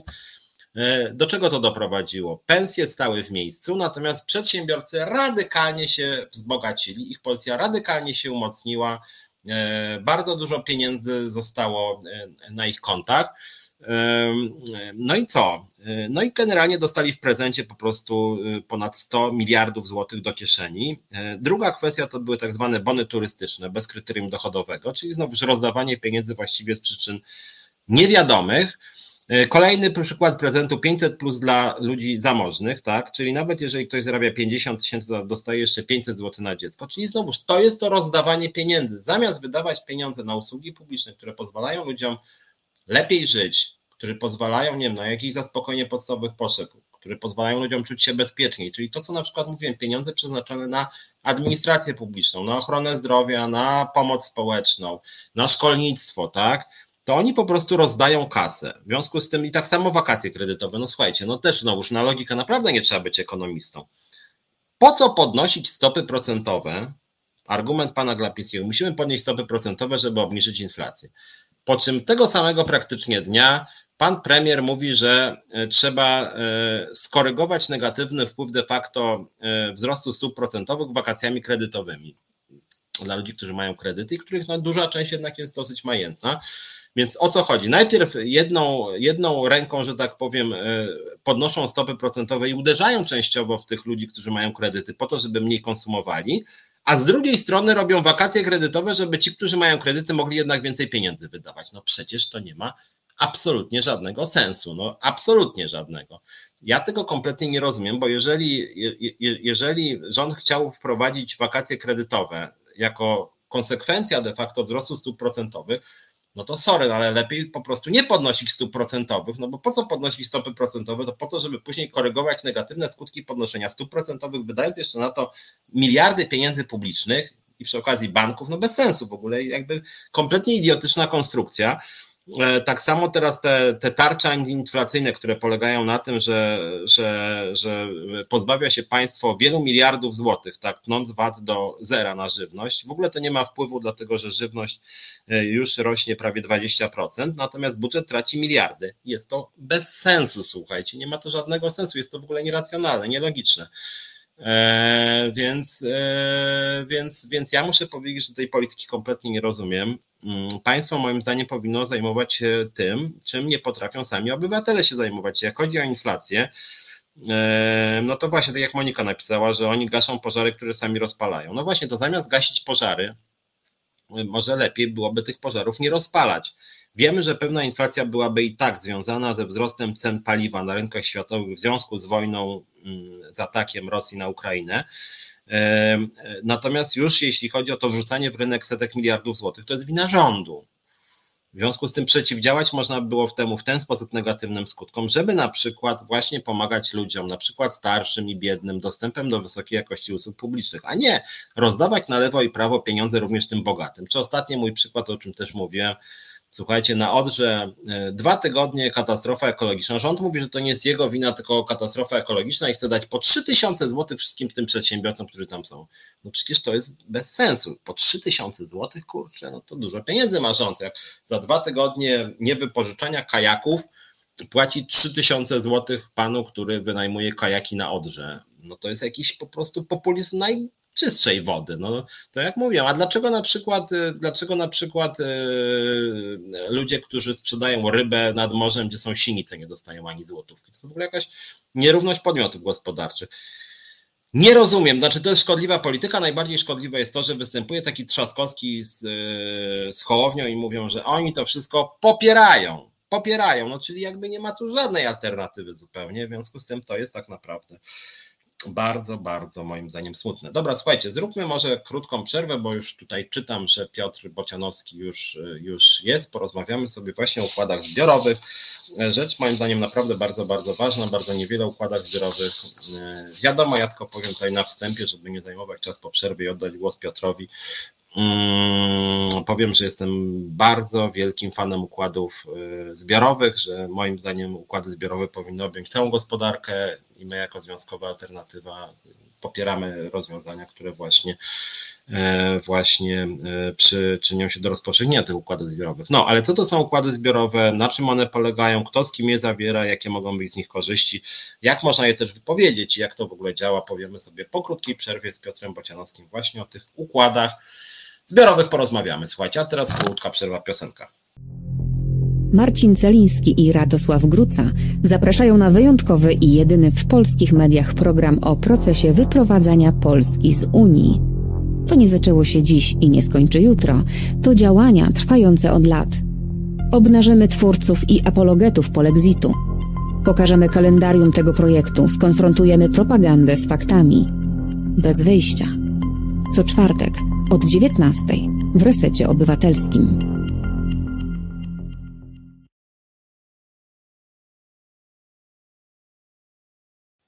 No i wracamy. Piotr Szymlewicz, Czas na Związki. Mówiliśmy trochę o tym, co tam się dzieje w tej polskiej gospodarce, o inflacji, o złym traktowaniu pracowników budżetówki. Teraz chciałem trochę porozmawiać z Piotrem Bocianowskim o układach zbiorowych, więc witaj Piotrze. Jest z nami Piotr? Hop, hop. Halo, halo. O, jestem teraz. Jesteś.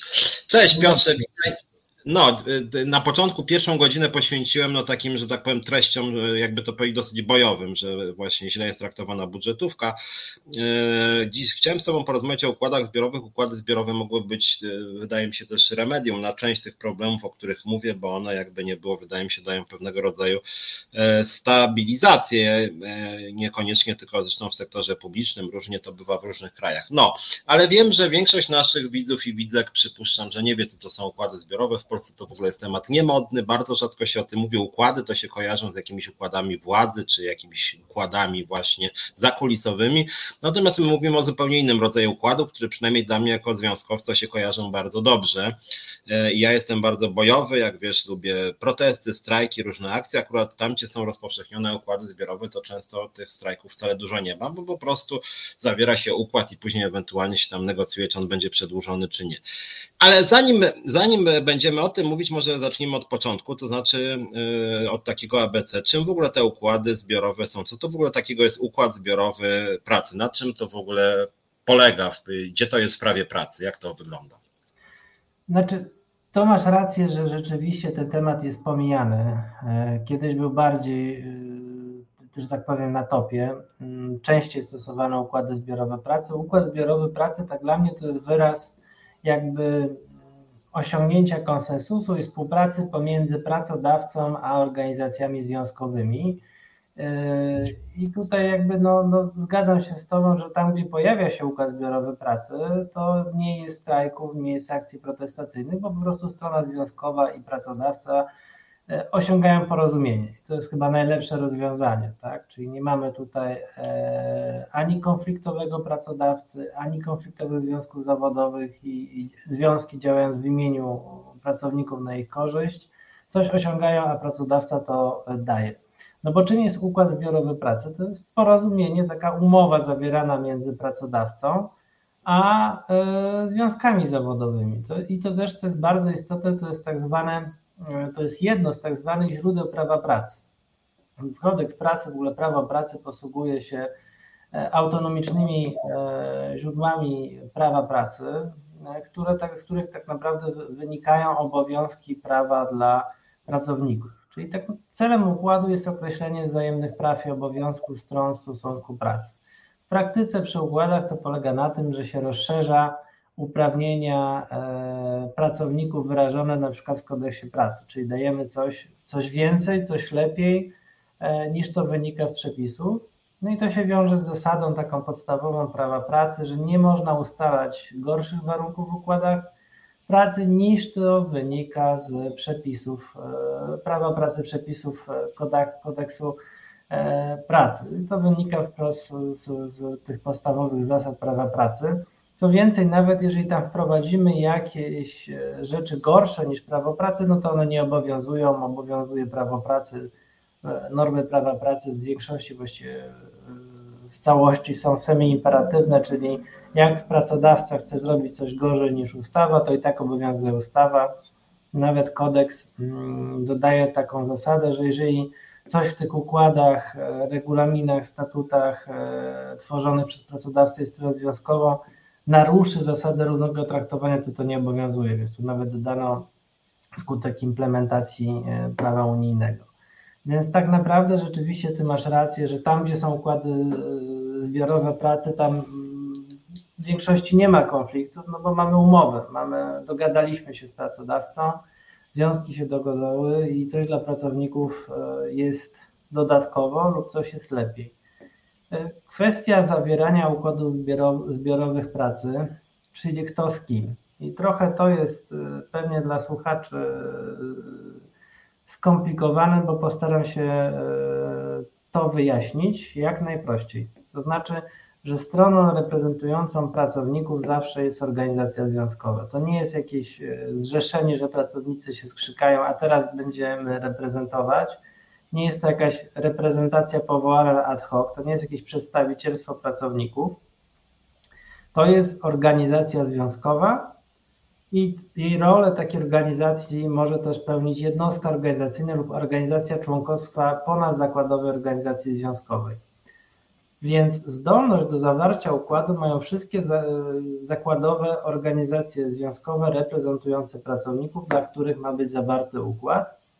Gdy ten układ ma dotyczyć większej liczby pracodawców, wchodzących w skład tej samej osoby prawnej lub jednostki nieposiadającej osobowości prawnej, to zdolność do zawarcia układu mają wszystkie e, zakładowe organizacje związkowe działające u tych pracodawców.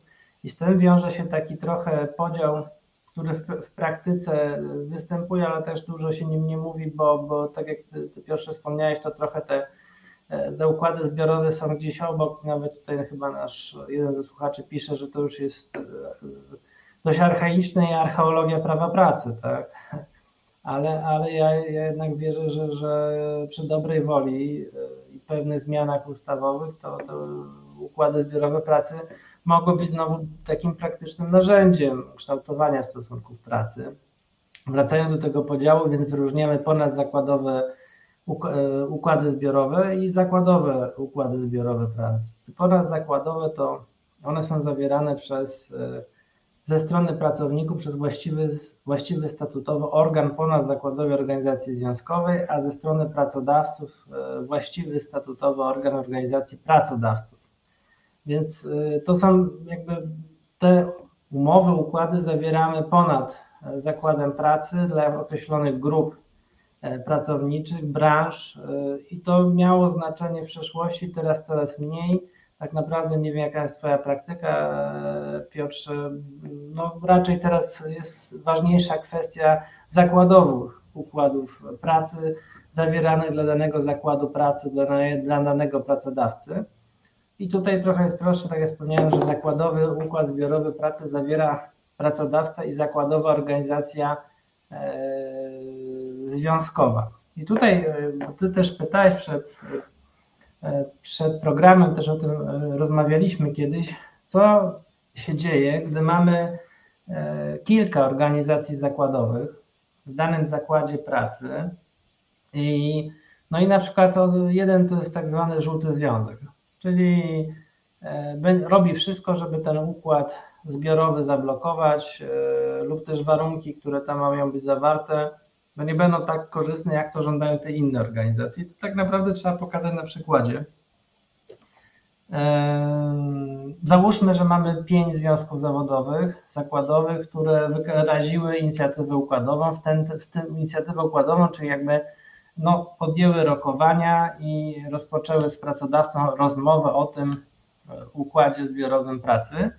Jednak ten, e, ta jeden ze związków powiedział, ten żółty, nie, ja nie będę w tych rokowaniach uczestniczył, obrażał się, albo to w ogóle nie jest dla mnie, tak? Więc e, w takich warunkach rokowania będą kontynuowane, jeżeli co najmniej ta jedna z czterech pozostałych zakładowych organizacji związkowych wykaże się reprezentatywnością w rozumieniu ustawy o, o związkach zawodowych, a gdyby jednak żadna z tych organizacji nie była reprezentatywna, e, wówczas z powodu tej jednej organizacji związkowej, która nie przystąpi, układ e, pracy nie może być zawarty, tak, ten zakładowy. Więc to jest po prostu problem, że mając kilka takich organizacji, mają żółty związek, ja nie wiem, czy pewnie słucha, o tym mówiłeś o żółtych związkach, czy słuchacze pamiętają, co to jest, to jest taki związek wspierany lub po cichu, przepraszam za wyrażenie, utworzony przez pracodawcę, po to, żeby mieć taki związek, który mówi, że e, działanie pracodawcy to zawsze jest e, rozsądne, uzasadnione i mówi do pracowników: dajcie spokój, strajki do niczego nie prowadzą, trzeba się zgodzić, bo nie mamy wyboru. E, no co, po co wy się kłócicie? Zobacz, ci co kłócą, to nie dostają i tak dalej, i tak dalej. No Monika i tak i nie. Nie wiem, czy dobrą definicję przedstawiłem. Myślę, że Zupełnie nie naukową, ale, ale, ale żeby po prostu wszyscy zrozumieli, co ja chcę powiedzieć. Znaczy jednym zdaniem jest to związek po prostu podporządkowany pracodawcy. No, no tak, no to lepsza definicja, jest bardziej precyzyjny niż ja. E, także tak, no, mogą blokować. E, ja to podałem na przykładzie tych, te, tego zakładu pracy e, i rzeczywiście takie rzeczy się zdarzają, tak? Tylko mówię, reprezentuje nas to, że jeżeli jedna z nich tam ma tą reprezentatywność, no to wtedy rzeczywiście ten układ może być e, zawarty. Co jest też ciekawe, bo też o to pytałeś, że do właściwie nowelizacji ustawy o związkach zawodowych e, bodajże 2019 roku to układ zbiorowy był tylko dla pracowników. Czyli układ zbiorowy zawierany jest dla wszystkich pracowników nim objętych. Tak? Nie jest istotna przynależność związkowa, wymiar czasu pracy, Monika, nie mogę komentować konkretnych spraw i pracodawców. No w każdym razie nie jest istotna przynależność związkowa, wymiar czasu pracy tych pracowników. E, I co jest istotne, teraz po zmianach układem mogą być objęte również osoby, które świadczą pracę na innej podstawie niż stosunek pracy, czyli tak zwane, te, tą, tą, no Piotr to mówi śmieciówki, ja mówię inne formy zatrudnienia a także emeryci i renciści, czyli byli e, pracownicy. I też przepisy ustawowe, e, szczegółowe normy wyłączają, dla kogo układ no w ogóle nie może być zawarty, tak? Ale może przejdę jeszcze do tego, że układ zbiorowy dotyczy wszystkich pracowników u pracodawcy objętego jego postanowieniami, ale w przepisach, zapisach układu w całości lub w części można pewne grupy pracowników e, pracowników wyłączyć, tak? Tylko to wyłączenie w układzie musi być e, wyraźne i nie może naruszać e, zasady równego traktowania pracowników zatrudnienia i musi zawierać obiektywne uzasadnienie, dlaczego ich e, wyłączamy, tak? I tutaj, jak wspomniałem, pewne kategorie pracowników są wyłączone wprost z możliwości zawarcia dla nich układów. Chodzi tu o członków Korpusu Służby Cywilnej, pracowników urzędów państwowych na podstawie mianowania i powołania, pracowników samorządowych zatrudnionych na podstawie wyboru mianowania i powołania w urzędach marszałkowskich, starostwach, biurach, ich odpowiednika Związku Jednostek Samorządu Terytorialnego, sędziów, asesorów sądowych i prokuratorów, czyli mamy takie wyjątki, gdzie w ogóle ten układ nie może być stosowany, ale tak jak mówiłem, to jest umowa też, jeżeli są jakieś uzasadnione, obiektywne przyczyny, to też E, dokonuje się e, wyłączenia określonych grup.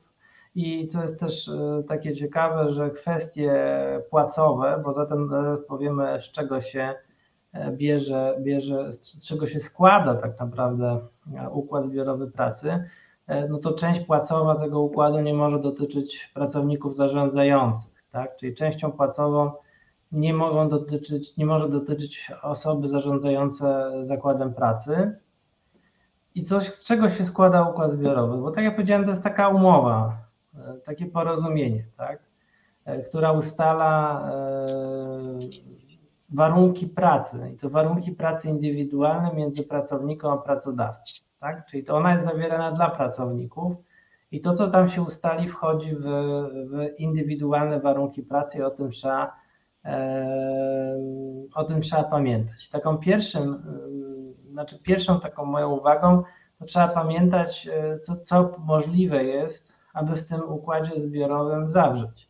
No przede wszystkim to taki punkt wyjścia, no to są warunki popłacowe i inne świadczenia związane z pracą, ale też trzeba pamiętać, że poszczególne e, przepisy prawa pracy wprost wskazują, e, co gdzie można być uregulowane. I na przykład jeżeli chodzi o układy zbiorowe pracy, no to tam możemy uregulować system przerywanego czasu pracy, przerwę, tak zwaną przerwę w pracy, w czasie, w czasie dnia pracy, systemy i rozkłady czasu pracy i przyjęte okresy rozliczeniowe, przedłużenie okresów rozliczeniowych, kwestia maksymalnej liczby godzin naliczbowych w roku kalendarzowym, kwestia organizacji porządku w procesie pracy, a także monitoringu.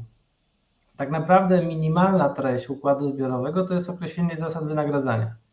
Jeżeli tego nie mamy, no to to nie jest układ zbiorowy taki może być zakwestionowany.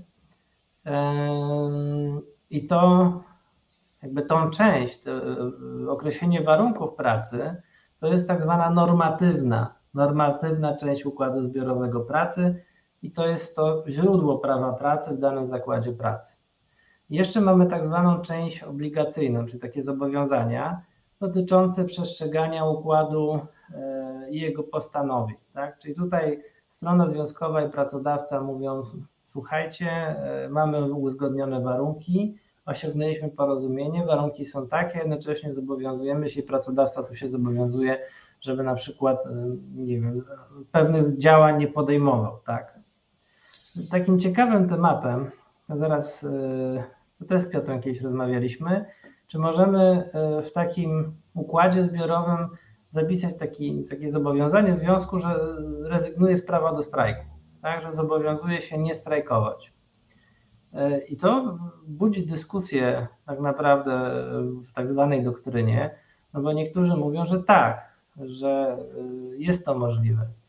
E, inni mówią, no chwileczkę, no, to jak można pozbawiać pracowników, członków związku zawodowego prawa do strajku. No, a ci, którzy mówią, że to jest możliwe, wskazują, że to organizowanie strajkiem jest prawem nie pracowników lub związków zawodowych, prawem, tak?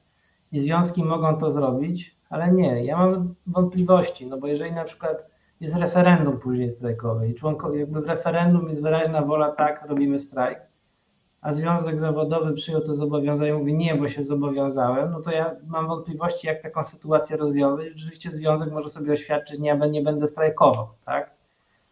Mm. E, no ale oczywiście jest inny też argument przemawiający za tą możliwością, że żaden przepis prawa krajowego ani międzynarodowego tak naprawdę nie zakazuje takiej czynności e, związku. No to jest dyskusja otwarta. Mówię, dużo głosów jest za, ale musimy o tym pamiętać, że, że takie problemy się pojawiają, bo pracodawcy wręcz wymagają takiej klauzuli porządku, że tak powiem, spokoju społecznego w układach pracy. No bo jak mamy konsensus, to związku, że tak powiem, związek, związek zawodowy niech na razie siedzi cicho. No i też do części obligacyjnej układów zbiorowych te, zalicza się postanowienia dotyczące rozwiązania układu, tak? w tym określenie okresu wypowiedzenia. No bo jeżeli uznajemy, że układ zbiorowy to jest umowa pomiędzy związkami zawodowymi a pracodawcą, no to też taką umowę można rozwiązać. Tylko też trzeba pamiętać, że e, to, to roz, możliwość rozwiązania to trochę jest analogiczna do możliwości rozwiązania umowy o pracę. To musi ten tryb musi być wprost wskazany w przepisach ustawy i on jest skazany. Y, prawo pracy wskazuje, że układ rozwiązuje się na podstawie zgodnego oświadczenia stron, czyli takie porozumienie stron, tak jak przy rozwiązaniu stosunku pracy, z upływem okresu, na który został zawarty, no bo układ zbiorowy może być na czas określony, i z upływem okresu wypowiedzenia dokonanego przez jego, jedną ze stron. Tak? Standardowo ten okres wypowiedzenia, no to, to jest, e, z tego co pamiętam, trzy miesiące kalendarzowe, strony w układzie mogą postanowić inaczej, to znaczy wydłużyć ten okres e, wypowiedzenia ten ustawowy. To wypowiedzenie może dotyczyć całości lub określonej części układu i musi być w formie pisemnej. Jeżeli nie jest w formie pisemnej, no to to jest bezskuteczne. To jest ciekawe też taki problem wypowiadania układów zbiorowych przez pracodawcę e, z użyciem bezpiecznego kwalifikowanego podpisu elektronicznego. Bo proszę pamiętać, że forma elektroniczna, tu nie mówię o mailu, tylko forma elektroniczna, czyli oświadczenie złożone z tym podpisem e, elektronicznym e, jest zrównana z, e, z formą pisemną. Więc tutaj dopuszcza się możliwość złożenia takiego wypowiedzenia.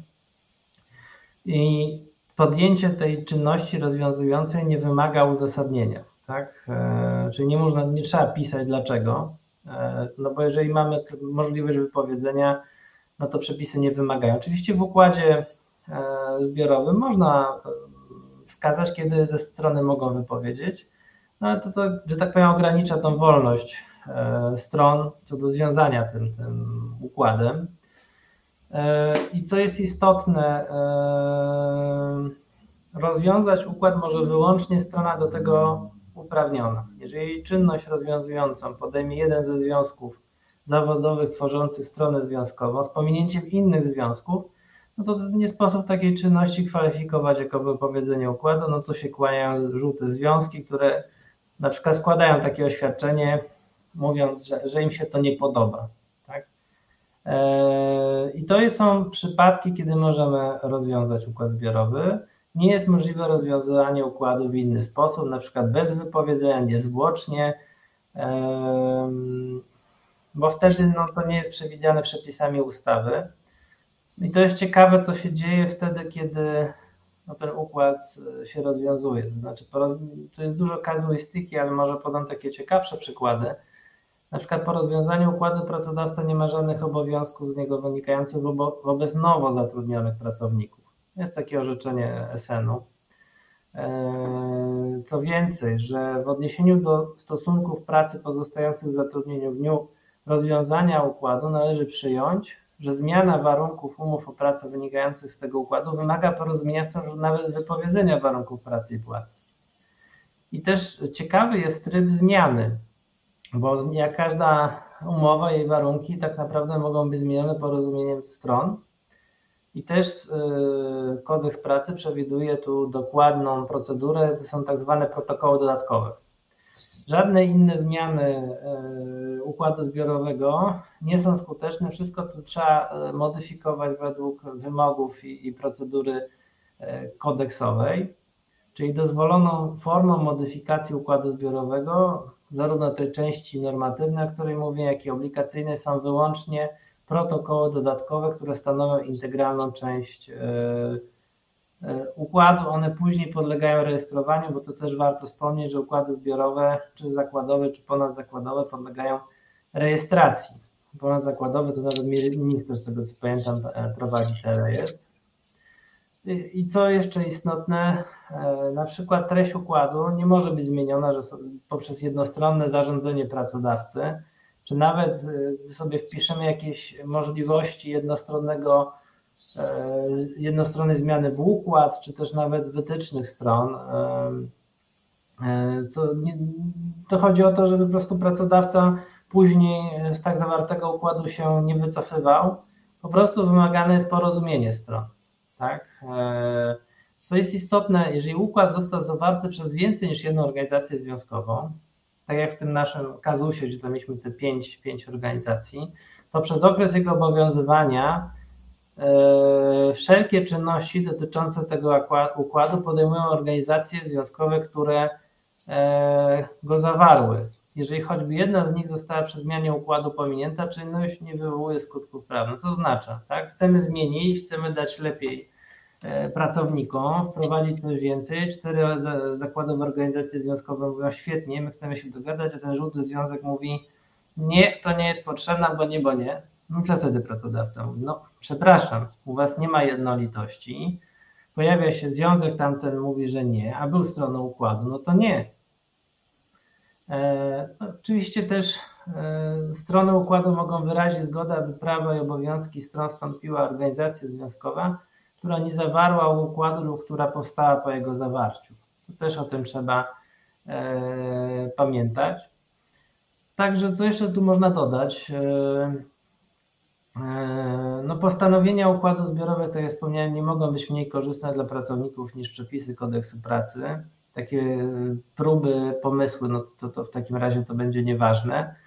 E, no i oczywiście, jeżeli mamy e, zmiany warunków pracy i płacy, no to zawsze może znaleźć się strona, która będzie niezadowolona, e, która teoretycznie może kwestionować zmianę tych indywidualnych warunków, tak? Czyli jeżeli coś się dzieje na niekorzyść pracownika, to tak jak już dzisiaj to, to omawialiśmy, no to mm, wejście w życie układu to jedno, a kwestia zmiany indywidualnych warunków na niekorzyść pracownika, niekorzyść w stosunku do tego, co miał. Czyli wprowadzamy układ zbiorowy na przykład z obniżkami wynagrodzeń, to się rzadko dzieje, no to, to, to taka zmiana wymaga odpowiedniego trybu, czy też wypowiedzenia zmieniającego, czy też porozumienia zmieniającego z pracownikiem. Tak, tak się niektórzy przyjmują i chyba się należy z tym zgodzić, że na korzyść pracownika układ zbiorowy, no tutaj to byłoby dyskusyjne, jakby od razu e, zmieniał indywidualne warunki pracy i, i płacy. No, to jest jakby to, co powiedziałem, to jest tak układ zbiorowy dosłownie w, w, opowiedziany w kilku punktach, no bo cała jakby procedura to pewnie może, to można by zrobić parę, parę audycji na ten temat. Kwestia rokowej, rokowej w dobrej wierze, e, rokowej w złej wierze, obowiązku podjęcia. E, no tu jest naprawdę e, naprawdę temat rzeka. Jeszcze, jeszcze zadałbym Ci jedno pytanie trochę od siebie. No jak wiesz, my jesteśmy dosyć młodą centralą związkową, więc są zakłady pracy, w których albo nie jesteśmy reprezentatywni, albo na przykład e, staliśmy się niedawno lub stajemy się. No i właśnie, my działamy, w, już nie będę nazw instytucji wymieniał, ale są instytucje, w których szybko rośniemy w siłę. No i tam powiedzmy czasem są już jakieś układy zbiorowe, które na przykład nam się nie podobają. E, spotkałem się z sytuacją, w których pracodawca napisał, że my nawet nie możemy wchodzić w spory zbiorowe odnośnie e, tego, co jest zapisane w układzie zbiorowym, bo my co prawda nie jesteśmy stroną układu zbiorowego, ale ten układ zbiorowy obowiązuje wszystkich. Ja trochę zbaraniałem, no bo jeżeli myśmy tego nie podpisywali, nam się to nie podoba, to nie wiem dlaczego to miałoby nam jakkolwiek krępować e, ręce i, i głowy. E, czy, czy jest tu jakieś orzecznictwo? Jak to, jak to wygląda, kiedy właśnie jakiś nowy, na przykład e, nawet mały związek, czy rosnący związek zawodowy, czy nawet grupa pracowników właśnie e, nie podoba jej się właśnie układ zbiorowy obowiązujący na przykład od 15 lat i mówi, że, że w ogóle go kontestuje, bo jest niekorzystny, chce strajk odnośnie niego robić. Jak to wygląda? Wiesz co, no jeżeli chodzi o poziom zakładowy, bo chyba to Cię najbardziej interesuje, no to strony układu obowiązującego mogą wyrazić zgodę, aby prawa i obowiązki stron wstąpiła organizacja związkowa, która nie zawarła układu lub która powstała po jej zawarciu. No to, to, to wynika jakby wprost z e, przepisów. Tak? E, więc e, tutaj no, wszystkie strony muszą, muszą się zgodzić, abyście tam e, wskoczyli. Tak? E, bo mówimy o poziomie zakładowym. Mhm. No, jeżeli nie, to rzeczywiście to, to, co ta instytucja, ten pracodawca, w którym wy, wy działacie, pisze, że, że wy nie możecie wstąpić, bo my się nie zgadzamy, i inne związki robią to samo, no to to jest problem, tak? Bo przy ponadzakładowych e, układach pracy, organizacja, która nie zawarła układu ponadzakładowego, która powstała po jej zawarciu, no to wstępuje w prawe obowiązki strony tego układu, gdy po jego zawarciu została stwierdzona reprezentatywność tej organizacji przy rejestracji. Od razu. I to jest ta e, niestety, e, no niestety, że tak powiem, no, no, no, różnica niekorzystna dla związków zawodowych. E, I, i pamiętajmy też, że no, mamy ten tryb zmiany, o którym mówiłem, ale rzeczywiście, jeżeli nie jesteście stroną, no to ma, ma, jest duży problem, bo pracodawca może to dosyć mocno blokować.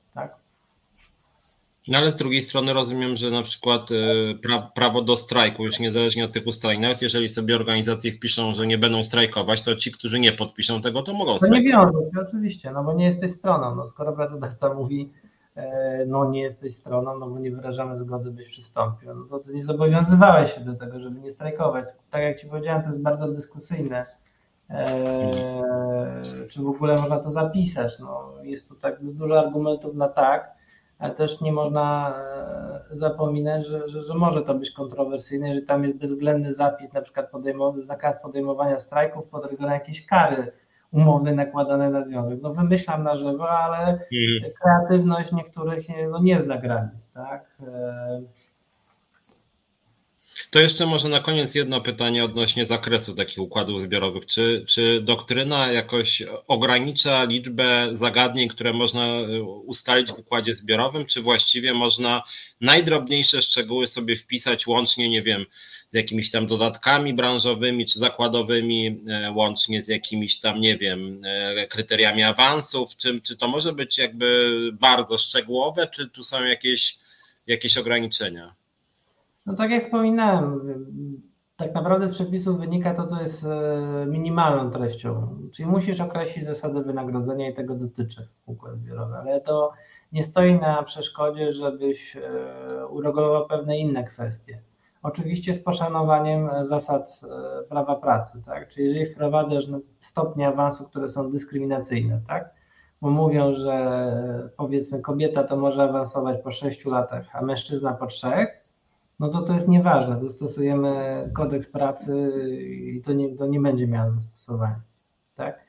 E, więc tutaj e, jest podstawowa zasada, która ogranicza treść. Możesz robić wszystko, co jest bardziej korzystne lub tak korzystne jak prawo pracy. A jeszcze, czy jest w przepisach jakaś różnica między zakładowym i ponadzakładowym? Czy, czy, czy, czy, czy są w ogóle jakieś odrębne przepisy odnośnie na przykład branżowych układów zbiorowych, czy to jest po prostu tak, że, że różne zakłady muszą usiąść, że tak powiem, i się dogadać i wyłonić pracodawcy swoją reprezentację, a związki swoją? E, powiem Ci, że jeżeli chodzi o sposób e, zawierania, tych dwóch rodzajów układów, no to mamy przepisy wspólne, mamy przepisy też e, szczegółowe. Powiem Ci, że, że tak dokładnie na potrzeby tej audycji, czy na przykład branży górniczej to są inne wymogi, a branży mhm. takiej nie sprawdzałem, ale musimy o tym pamiętać, że ponadzakładowe układy pra zbiorowe pracy mają swoje odrębności. I mhm. przepisy szczególne, i to nawet mamy odpowiedni, odpowiednią część kodeksu pracy poświęconą tylko ponadzakładowym układom e, pracy z uwagi na jakby poziom regulacji. Tak? E, tylko tak na koniec, bo też pewnym problemem, e, który jest, że w praktyce te układy zbiorowe no się rzadko już stosuje. Tak? Rzadko w tym sensie, że chyba brak pewnej elastyczności treści i też jakby ta cała procedura dosyć skomplikowana i sformalizowana, no trochę odstrasza w ogóle pracodawców, głównie od podjęcia e, działań, żeby taki układ zbiorowy się pojawił. To jest jedna rzecz. A druga rzecz, no tutaj muszą być związki zawodowe, a uzwiązkowienie, stopień uzwiązkowienia w Polsce pracodawców, no to, to jest, z przykrością stwierdzam, nie jest wysoki, tak?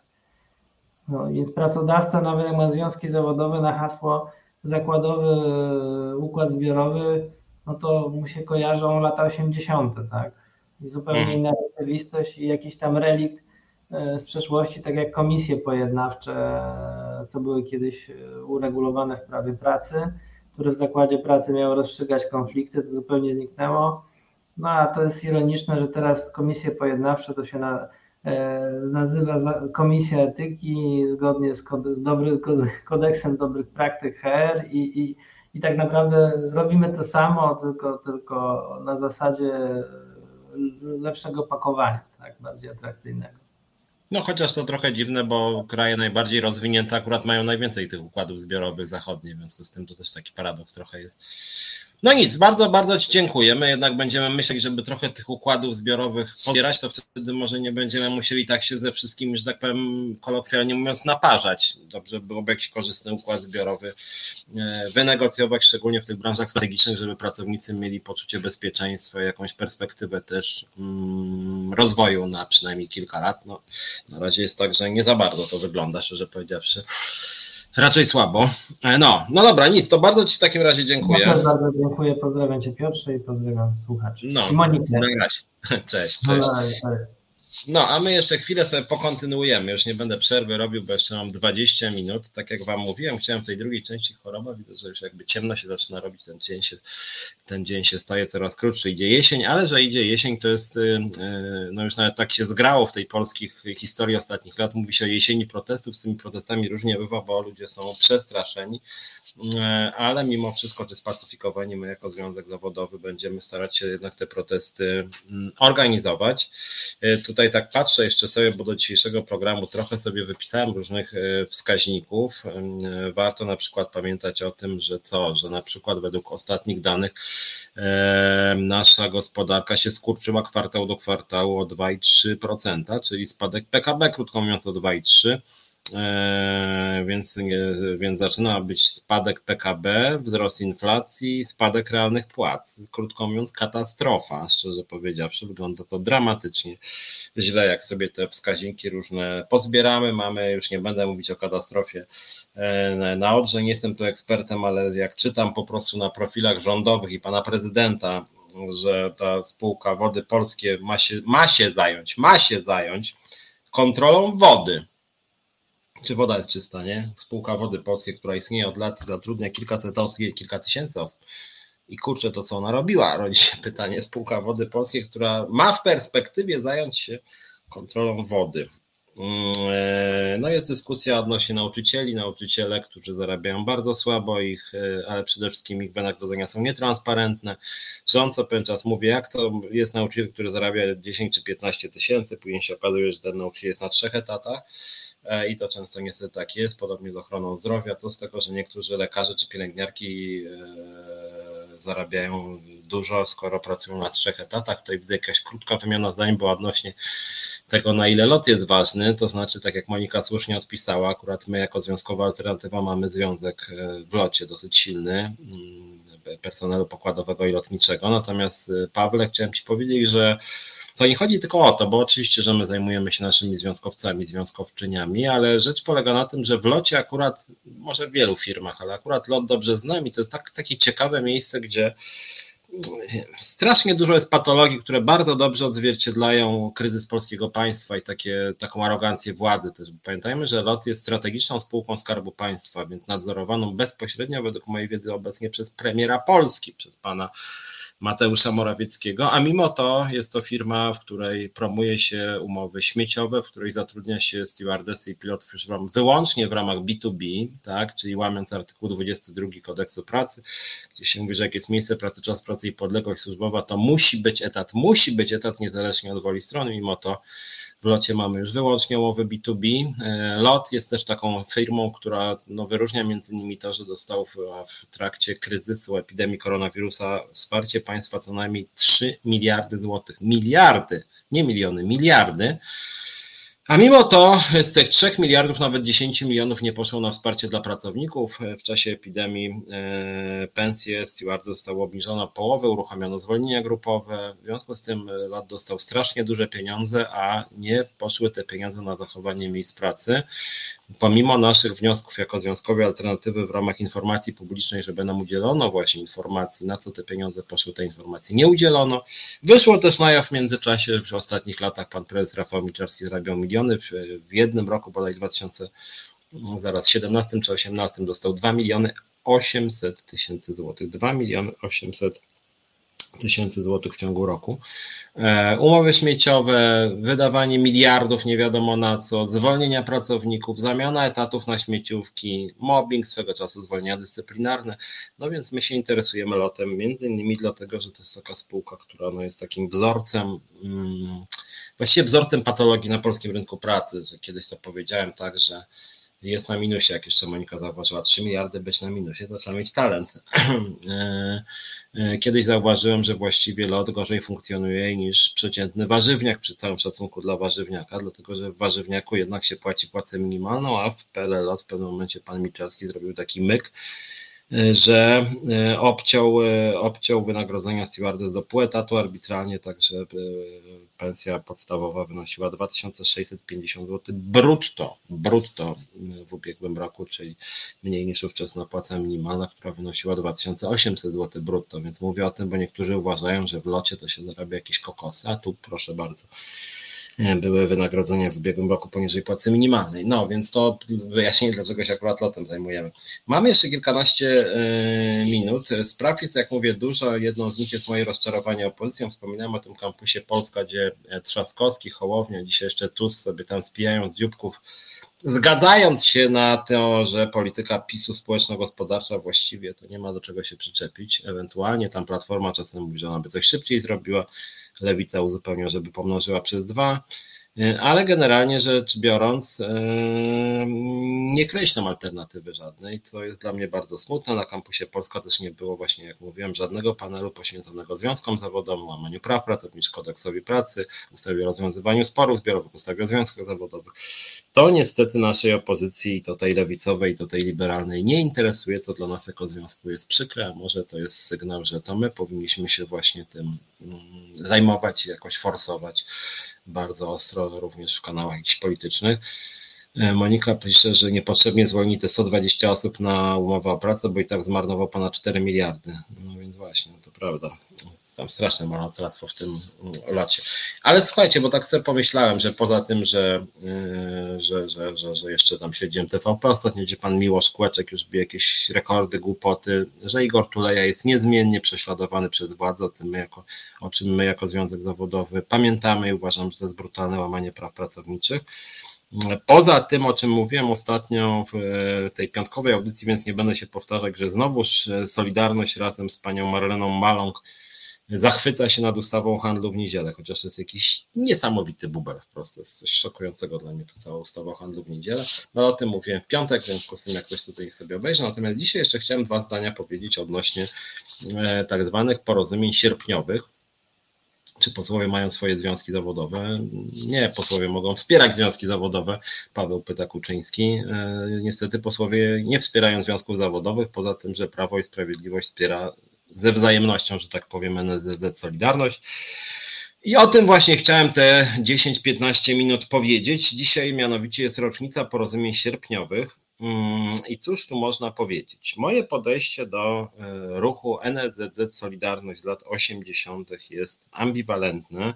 Mm, z tego względu chociażby, że e, Lewica ma OPZZ, Monika też pisze tu jest, więc jest deal Lewicy z OPZZ, jest deal PiSu z Solidarnością ten deal e, PiSu z Solidarnością jest podobnie ciasny, że tak powiem, ale przynajmniej jedni drudzy coś z tego mają. Mianowicie Solidarność głosuje na PiS, a PiS wyraża różne buble prawne Solidarności, począwszy od handlu w niedzielę, bo to jest autorstwa Solidarności, zresztą jakiś, no też moim zdaniem ta ustawa jest antyzwiązkowa. No ale tak Solidarność chciała, jak chodzi o formy relacji OPZZ-u z Lewicą, to jest jakiś deal, który nie przekłada się specjalnie na jakieś tam projekty merytoryczne, a raczej chyba chodzi o jakieś nie wiem, chyba finansowe głównie, bo nie wiem o co, po co oni takim dealu są. No może personalnie się lubią.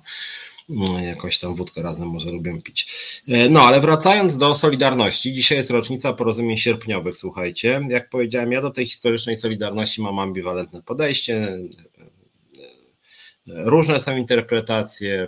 To, co mi się nie podoba, to między innymi to, że Solidarność od początku miała pewnego rodzaju układ z Kościołem katolickim, że broniła dosyć konserwatywnego modelu społeczeństwa, że to był taki trochę ruch narodowo-katolicki, ale z drugiej strony nie ulega wątpliwości, że Solidarność była odważna, że była mm, antyautorytarna, że walczyła z zamordystyczną władzą, że miała, mówiąc kolokwialnie, jaja, których dzisiaj wielu ludzi nie ma, to znaczy potrafiła się postawić i walczyła między innymi o prawo do działalności związkowej. Ja to uważam, że jest pełna analogia, tak jak dzisiaj na przykład e, pani Uścińska i ZUS nas prześladuje, to e, to tak samo Solidarność była prześladowana, nas, nam też odmawiano prawa do istnienia w ZUS-ie, przypomnę kilka miesięcy, tak samo Solidarności odmawiano prawa do istnienia, w związku z tym no, Solidarność to był taki ruch, głównie bym powiedział e, praw obywatelskich, były też prawa pracownicze, ale kluczowe były prawa obywatelskie, więc pod tym względem to ja oczywiście popieram, że była to walka z zamordystycznym państwem. Mm, no i cóż, minęły 22 lata, dzisiaj Solidarność właściwie jest po drugiej stronie, to znaczy jest tam, gdzie stało CRZZ, czyli ten związek późniejszy OPZZ, który był, miał deal z, z PZPR-em, Polską Zjednoczoną Partią Robotniczą. Dzisiaj taką Polską Zjednoczoną Partią Robotniczą jest Prawo i Sprawiedliwość. No i cóż, dzisiaj właśnie rocznica i był pan Mateusz Morawiecki, był pan Piotr Duda, prezesi spółek Skarbu Państwa, był też chyba pan Jacek Kurski. Wszyscy sobie z dzióbków spijali. Pan Piotr Duda chyba zaczął e, swoje wystąpienie od Szczęść Boże. W związku z tym też biskupi pewnie tam byli. No i generalnie rzecz biorąc, władza sobie spijała z dzióbków, a pan Piotr Duda stał się tej władzy częścią, co jest e, bardzo smutne, dość obrzydliwe jest jakaś kompromitacja też historyczna Solidarności, która, jak mówię, powstała jako mm, ruch sprzeciwu wobec zamordystycznej władzy. Dzisiaj Solidarność jest tej zamordystycznej władzy przystawką, a właściwie pod pewnymi względami, właściwie takimi strukturalnymi, Prawo i Sprawiedliwość ma wiele podobnych cech do PZPR-u. Może bardziej Kaczyński do Gomułki jest podobny niż do Jaruzelskiego czy Gierka, bo Gomułka też na przykład tam był taki dosyć zamknięty, nie lubił zabawy, tam nie lubił klubów, kawiarni. Mm, w związku z tym, e, w związku z tym wydaje mi się, że tutaj to jest takie smutne mm, zamknięcie tego ruchu tak naprawdę, że Solidarność, jak mówię, zaczęła jako ruch społeczny e, przeciwko, przeciwko autorytarnej władzy. Dzisiaj Solidarność jest tej władzy przystawką. Natomiast to, co wydaje mi się dosyć ciekawe, bo to jest coś, co jest dosyć zabawne, coś, co łączy Solidarność i nawet czasem partię razem. Mianowicie e, co roku wraca pewna dyskusja, która jest merytorycznie moim zdaniem dosyć interesująca odnośnie postulatów sierpniowych, tak zwanych, których jak wiecie pewnie większość z Was było 21. Mm, Paweł Kuczyński, ważna data i osiągnięcie, tylko dlaczego Ciemniak Wałęsa z Matką Boską w klapie na czele. Znaczy tak, no Wałęsa na pewno miał jakąś odwagę i powera, natomiast e, dlaczego z Matką Boską w klapie? No to jest właśnie to, co ja mówiłem i stąd moje wątpliwości. Solidarność była jednak zawsze związkiem zawodowym i tu akurat Duda w tym ma dzisiaj rację, że Solidarność była przez większą część swojego działania e, związkiem takim narodowo-katolickim, konserwatywnym, który miał konserwatywną wizję społeczeństwa, w związku z tym to nie był związek socjaldemokratyczny czy socjalistyczny. Mm, I właśnie dlatego chciałem przez chwilę, te parę minut przyjrzeć się postulatom sierpniowym i muszę Wam powiedzieć, że nie ze wszystkimi postulatami się zgadzam, a przy okazji warto sobie przypomnieć, że część tych postulatów jest no, taka albo nierealistyczna, albo wyrażała ówczesne mm, nazwijmy to status quo, na przykład Solidarność domagała się, domagała się wprowadzenia bonów żywnościowych, krótko mówiąc kartek, e, na mięso i przetwory. Tak? W związku z tym to jest tak ciekawe, że to był postulat sierpnia, który dzisiaj to jest właściwie prawda. Ten postulaty sierpniowe to wręcz jest tam prawda, dokument, który tam jest w ramce złotej i uchodzi za właśnie taki e, fundamentalny i czcigodny i wszyscy się pod tym podpisują, więc warto pamiętać, że takie postulaty też tam były. Natomiast kilka tych postulatów warto, żeby może Wam przytoczył, żebyście się zapoznali, jaką wizję Polski miała Solidarność, że, bo ja osobiście jest to mi dosyć odległa wizja, tak samo jak odległa, czy bardziej nawet jeszcze była wizja e, realnego socjalizmu, aczkolwiek z drugiej strony, jak się wczytać w te postulaty sierpniowe, to one w gruncie rzeczy aż tak daleko od PZPR-u nie są wcale. Wtedy było takie hasło socjalizm, tak wypaczenia nie. I z trzeciej strony wydaje mi się, że i dlatego powiedziałem o tej analogii między PZPR-em i PiSem, zastanówcie się nad tym, bo y, z jednej strony PZPR był partią, która jakoś tam w tle odwoływała się do postulatów socjalistycznych, do tradycji marksistowskiej, ale z drugiej strony, jakbyśmy się przyjrzeli szczegółom, to dziwo się okazuje, że pod wieloma względami PZPR był partią chadecką y, chrześcijańską, jak chodzi, mówię o wizję polityki społecznej, model rodziny na przykład. O co mi chodzi? Więc może Wam powiem kilka tych punktów, bo mamy parę minut, więc nie wszystkie punktów jest, jak wiecie, 21. E, więc kilka Wam przeczytam. Pierwszy jest sposób e, oczywiście słuszny. Monika pisze, dlaczego nie się wtedy świetnie sprawdziło. Ludzie szukali inspiracji dostawali ją od kościoła. Jak dla mnie mogą być w sklepach dewocjonalnie, a byle ludzie ruszyli tyłki. No w tym sensie tak. Znaczy kościół był trochę inny, chociaż pamiętaj Monika, że to jest dosyć ciekawy ten mit kościoła, dlatego że jak był stan wojenny, to władze kościoła powiedziały, że gódźcie się, tak? Władze kościoła wcale nie stanęły po stronie Solidarności, raczej były po środku. To jest taka długa tradycja kościoła, żeby zawsze stać po pośrodku, tak jak dzisiaj no Franciszek tak jest pośrodku między Rosją i Ukrainą, raczej ze wskazaniem na Rosję, ale Kościół wbrew pozorom tak samo jak były zabory, to tak mrugał do zaborców bardziej i tak samo jak były spory między Solidarnością i władzą PZPR-u, to wbrew pozorom Kościół wcale nie był tak po stronie Solidarności, oczywiście, że na dole była ta współpraca Solidarności właśnie z Kościołem, ale wbrew pozorom administracja kościelna, episkopat był władzy centralnej PZPR-u dosyć blisko i oczywiście miał z tego profity. Ktoś tam kiedyś zwrócił uwagę, że szczególnie w latach 80. w Polsce powstawało bardzo dużo kościołów przy wsparciu władzy, więc tą, więc tą świeckością władz PRL-owskich bywało różnie. Eee, więc o tym warto pamiętać. Natomiast jak chodzi o to postulat, kilka Wam przytoczę, żeby pokazać, jaki był duch tych protestów. Eee, niewątpliwie pierwsze trzy, szczególnie te cztery, eee, a nawet pierwsze no pierwsze 5-6 powiedzmy były bezwzględnie słuszne. Akceptacja niezależnych od partii pracodawców wolnych związków zawodowych wynikających z ratyfikowanej przez PRL konwencji Międzynarodowej Organizacji Pracy.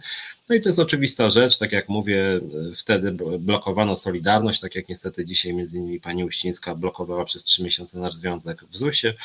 E, było to na pewno hasło wolnościowe, demokratyczne i to, że Solidarność oczekiwała, że po prostu zostanie uznana było dość oczywiste, więc to jest na pewno słuszny punkt i chyba najważniejszy, dlatego był pierwszy. Zagwarantowanie prawa do strajku oraz bezpieczeństwa strajkującym i osobom wspomagającym. Oczywiście w pełni popieram. Dzisiaj niestety też, jak wiecie, coraz więcej obszarów jest wyłączonych z prawa do strajku. Między innymi nasza skarbówka nie może strajkować. Każdy strajk, który wybucha, to jest później sprawa do sądu. Tak samo jak ZUS złożył sprawę do sądu, żeby nam sądownie zakazać strajku. W locie zresztą było to samo warto o tym pamiętać, że już w roku właśnie 80 chciano zagwarantować prawo do strajku, a z tym prawem do strajku yy, pierwsze osiem pisze no w pewnym sensie tak, chociaż to ósme, zaraz przy, przytoczę, to by zupełnie inna wartość pieniądza była. E, e, zagwarantowanie prawa do strajku, więc mówię, to cały czas właśnie nie do końca jest realizowane. Przestrzegać zagwarantowaną w Konstytucji PRL wolność słowa, druku, publikacji, a tym samym nie represjonować niezależnych wydawnictw oraz udostępnić środki masowego przekazu dla przedstawicieli wszystkich wyznań.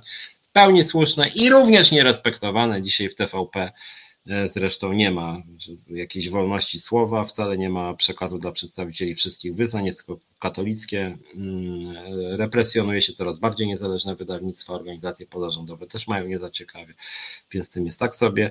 E, przywrócić do pracy ludzi zwolnionych po strajkach w 70, 76, zwolnić więźniów politycznych, oczywiście słuszne, e, znieść represje za przekonania, oczywiście słuszne, to akurat PiS jest tutaj na linii wznoszącej, że chcą represjonować za przekonania, patrz, pomysł Solidarnej Polski, żeby za krytykę e, katolickich autorytetów wręcz karać więzieniem, jest tutaj PiS idzie, czy Solidarna Polska wyraźnie w kierunku jakiejś rehabilitacji e, PRL-u czy PZPR-u. E, podać w środkach masowego przekazu informację o utworzeniu Międzyzakładowego Komitetu Strajkowego, publikować jego żądania, to też dosyć oczywiste. E, podjąć realne działania na celu, e, aha, mające na celu wyprowadzenie kraju z sytuacji kryzysowej poprzez podawanie do publicznej wiadomości informacji o sytuacji społeczno-gospodarczej, umożliwienie wszystkim środowiskom i warstwom społecznym uczestniczenie w dyskusji nad programem reform. No, to, to my też byśmy chcieli dzisiaj, żeby wszystkie środowiska brały udział w dyskusji nad programem reform, no nawet my nie jesteśmy specjalnie tego dopuszczani, więc to też aktualne. Wypłacić wszystkim pracownikom biorącym udział w strajku wynagrodzenie za okres strajku, jak za okres urlop wypoczynkowy z funduszu CRZZ. To jest akurat ciekawe właśnie, czy za okres strajku należy płacić Dzisiaj, słuchajcie się, nie płaci. W związku z tym ten postulat do dzisiaj jest de facto niezrealizowany. Warto o tym pamiętać i ten ósmy, o którym mówiłem, że dla Moniki też aktualny, podnieść wynagrodzenie zasadnicze każdego pracownika o 2000 na miesiąc jako rekompensatę dotychczasowego wzrostu cen. Owszem, można być aktualne, się wstrzelili, chociaż wtedy była zupełnie inna wartość złotówki, ale faktycznie 2000 zł to byłaby taka godna podwyżka. Rzeczywiście, my mówiliśmy na przykład w ZUS-ie 60%, te 60%, no to byłoby tak pod 2000. Tak. E, dziewiąty postulat też nie jest głupi, szczególnie w kontekście tego, co zostało przedstawione dzisiaj, jak chodzi o inflację, zagwarantować automatyczny wzrost płacy równolegle do wzrostu cen i spadku wartości pieniądza, czyli jeżeli inflacja jest 16,1, to w budżetówce, bo na to ma wpływ rząd, e, wzrost płac musiał być co najmniej 16%, czy w skali roku, nawet jak rząd mówi, że będzie 14, to powinno być 14, a jest jak wiemy, 4 i 4 cały czas ten fundusz płac wpisany i niektórzy mają jeszcze mniej. Mm. Realizować pełne zaopatrzenie rynku wewnętrznego w artykuły żywnościowe, a eksportować tylko i wyłącznie nadwyżki. No, w gospodarce kapitalistycznej trochę ciężka sprawa, ale jak wiemy, jest coraz więcej niedoborów związanych nie tylko z, z, artykułami żywnościowymi, ale niedługo gaz, prąd i w ogóle może być trochę dramat. Wprowadzić na mięso i przetwory kartki. To ciekawe, czy byście byli za wprowadzić, e, znieść ceny komercyjne i sprzedaż za dewizy w tak zwanym eksporcie wewnętrznym. To jest jakby specyfika tamtego systemu. Wprowadzić zasady doboru. O, słuchajcie, to jest dobre, mi się podoba. Bardzo aktualne. To nawet to, to, to bierzemy z Moniką. Wprowadzić zasady doboru kadry kierowniczej na zasadach kwalifikacji, a nie przynależności partyjnej oraz znieść przywileje MOSB i aparatu partyjnego poprzez zrównanie zasiłków rodzinnych, zlikwidowanie specjalnej sprzedaży i tym podobne. No bardzo aktualne, słuchajcie. No to akurat rzeczywiście, ja bym jeszcze rozszerzył, bo tu jest tylko MOISB, ale aparat partyjny jest, więc takich Januszów Kowalskich to, to bardzo moim zdaniem pasuje i cały czas jest nierealizowalny. Do 14 mam jednak poważne zastrzeżenia. Obniżyć wiek emerytalny dla kobiet do 50 lat, a dla mężczyzn do lat 55 lub zaliczyć przepracowanie w periodzie 30 lat dla kobiet, 35 lat dla mężczyzn bez na wiek. No nie słuchajcie, 50 lat, wiek emerytalny dla kobiet, 55 lat dla mężczyzn, no to już, to, to ja już nie mówię tylko katastrofa systemu emerytalnego, ale ale większość życia byłaby na emeryturze. No nigdzie już nie ma w Europie tak niskiego wieku emerytalnego. Chodziłoby raczej chyba o to, żeby uczynić pracę bardziej satysfakcjonującą i ewentualnie po przekroczeniu pewnego wieku na przykład umożliwić skrócenie tygodnia pracy dla osób zmęczonych pracą czy, czy, czy starszych. Tak? Zrównać renty i emerytury starego portfela do poziomu aktualnie wypłacanych, poprawić warunki pracy służby zdrowia, pełna zgoda, zapewnić odpowiednią liczbę miejsc pracy w żłobkach, przedszkolach dla dzieci, kobiet pracujących, pełna zgoda, urlop macierzyński płatny 3 lata na wychowanie dziecka, bardzo długie te urlopy faktycznie PRL, to też taki konserwatywny dosyć element skrócić czas oczekiwania na mieszkanie słuszne, podnieść diety z 40 do 100 zł i dodatek za rozłąkę. No proszę bardzo, jeszcze prowadzić wszystkie soboty wolne od pracy. No, kurczę, mocno, nie? E, my proponujemy, żeby, że jeżeli już ktoś pracuje w soboty czy w niedzielę, to żeby miał wyższe stawki, szczególnie w niedzielę 2,5, ale żeby miał wyższe stawki za pracę w sobotę też warto rozważyć. Dobra, słuchajcie, trzeba, e, trzeba, trzeba kończyć. Widzicie, problemów jest bardzo dużo. Sytuacja budżetówki w Polsce jest słaba, państwo nie dba o pracowników. No cóż, to my musimy zadbać. Trzeba będzie jakoś na jesieni rzeczywiście zadziałać ostro. Trzymajcie się, słyszymy się i widzimy za tydzień. Ja będę na forum ekonomicznym, to jeszcze zobaczę, czy będę mówił godzinę czy dwie, ale ale myślę, że się z Wami spotkam. Na razie, trzymajcie się.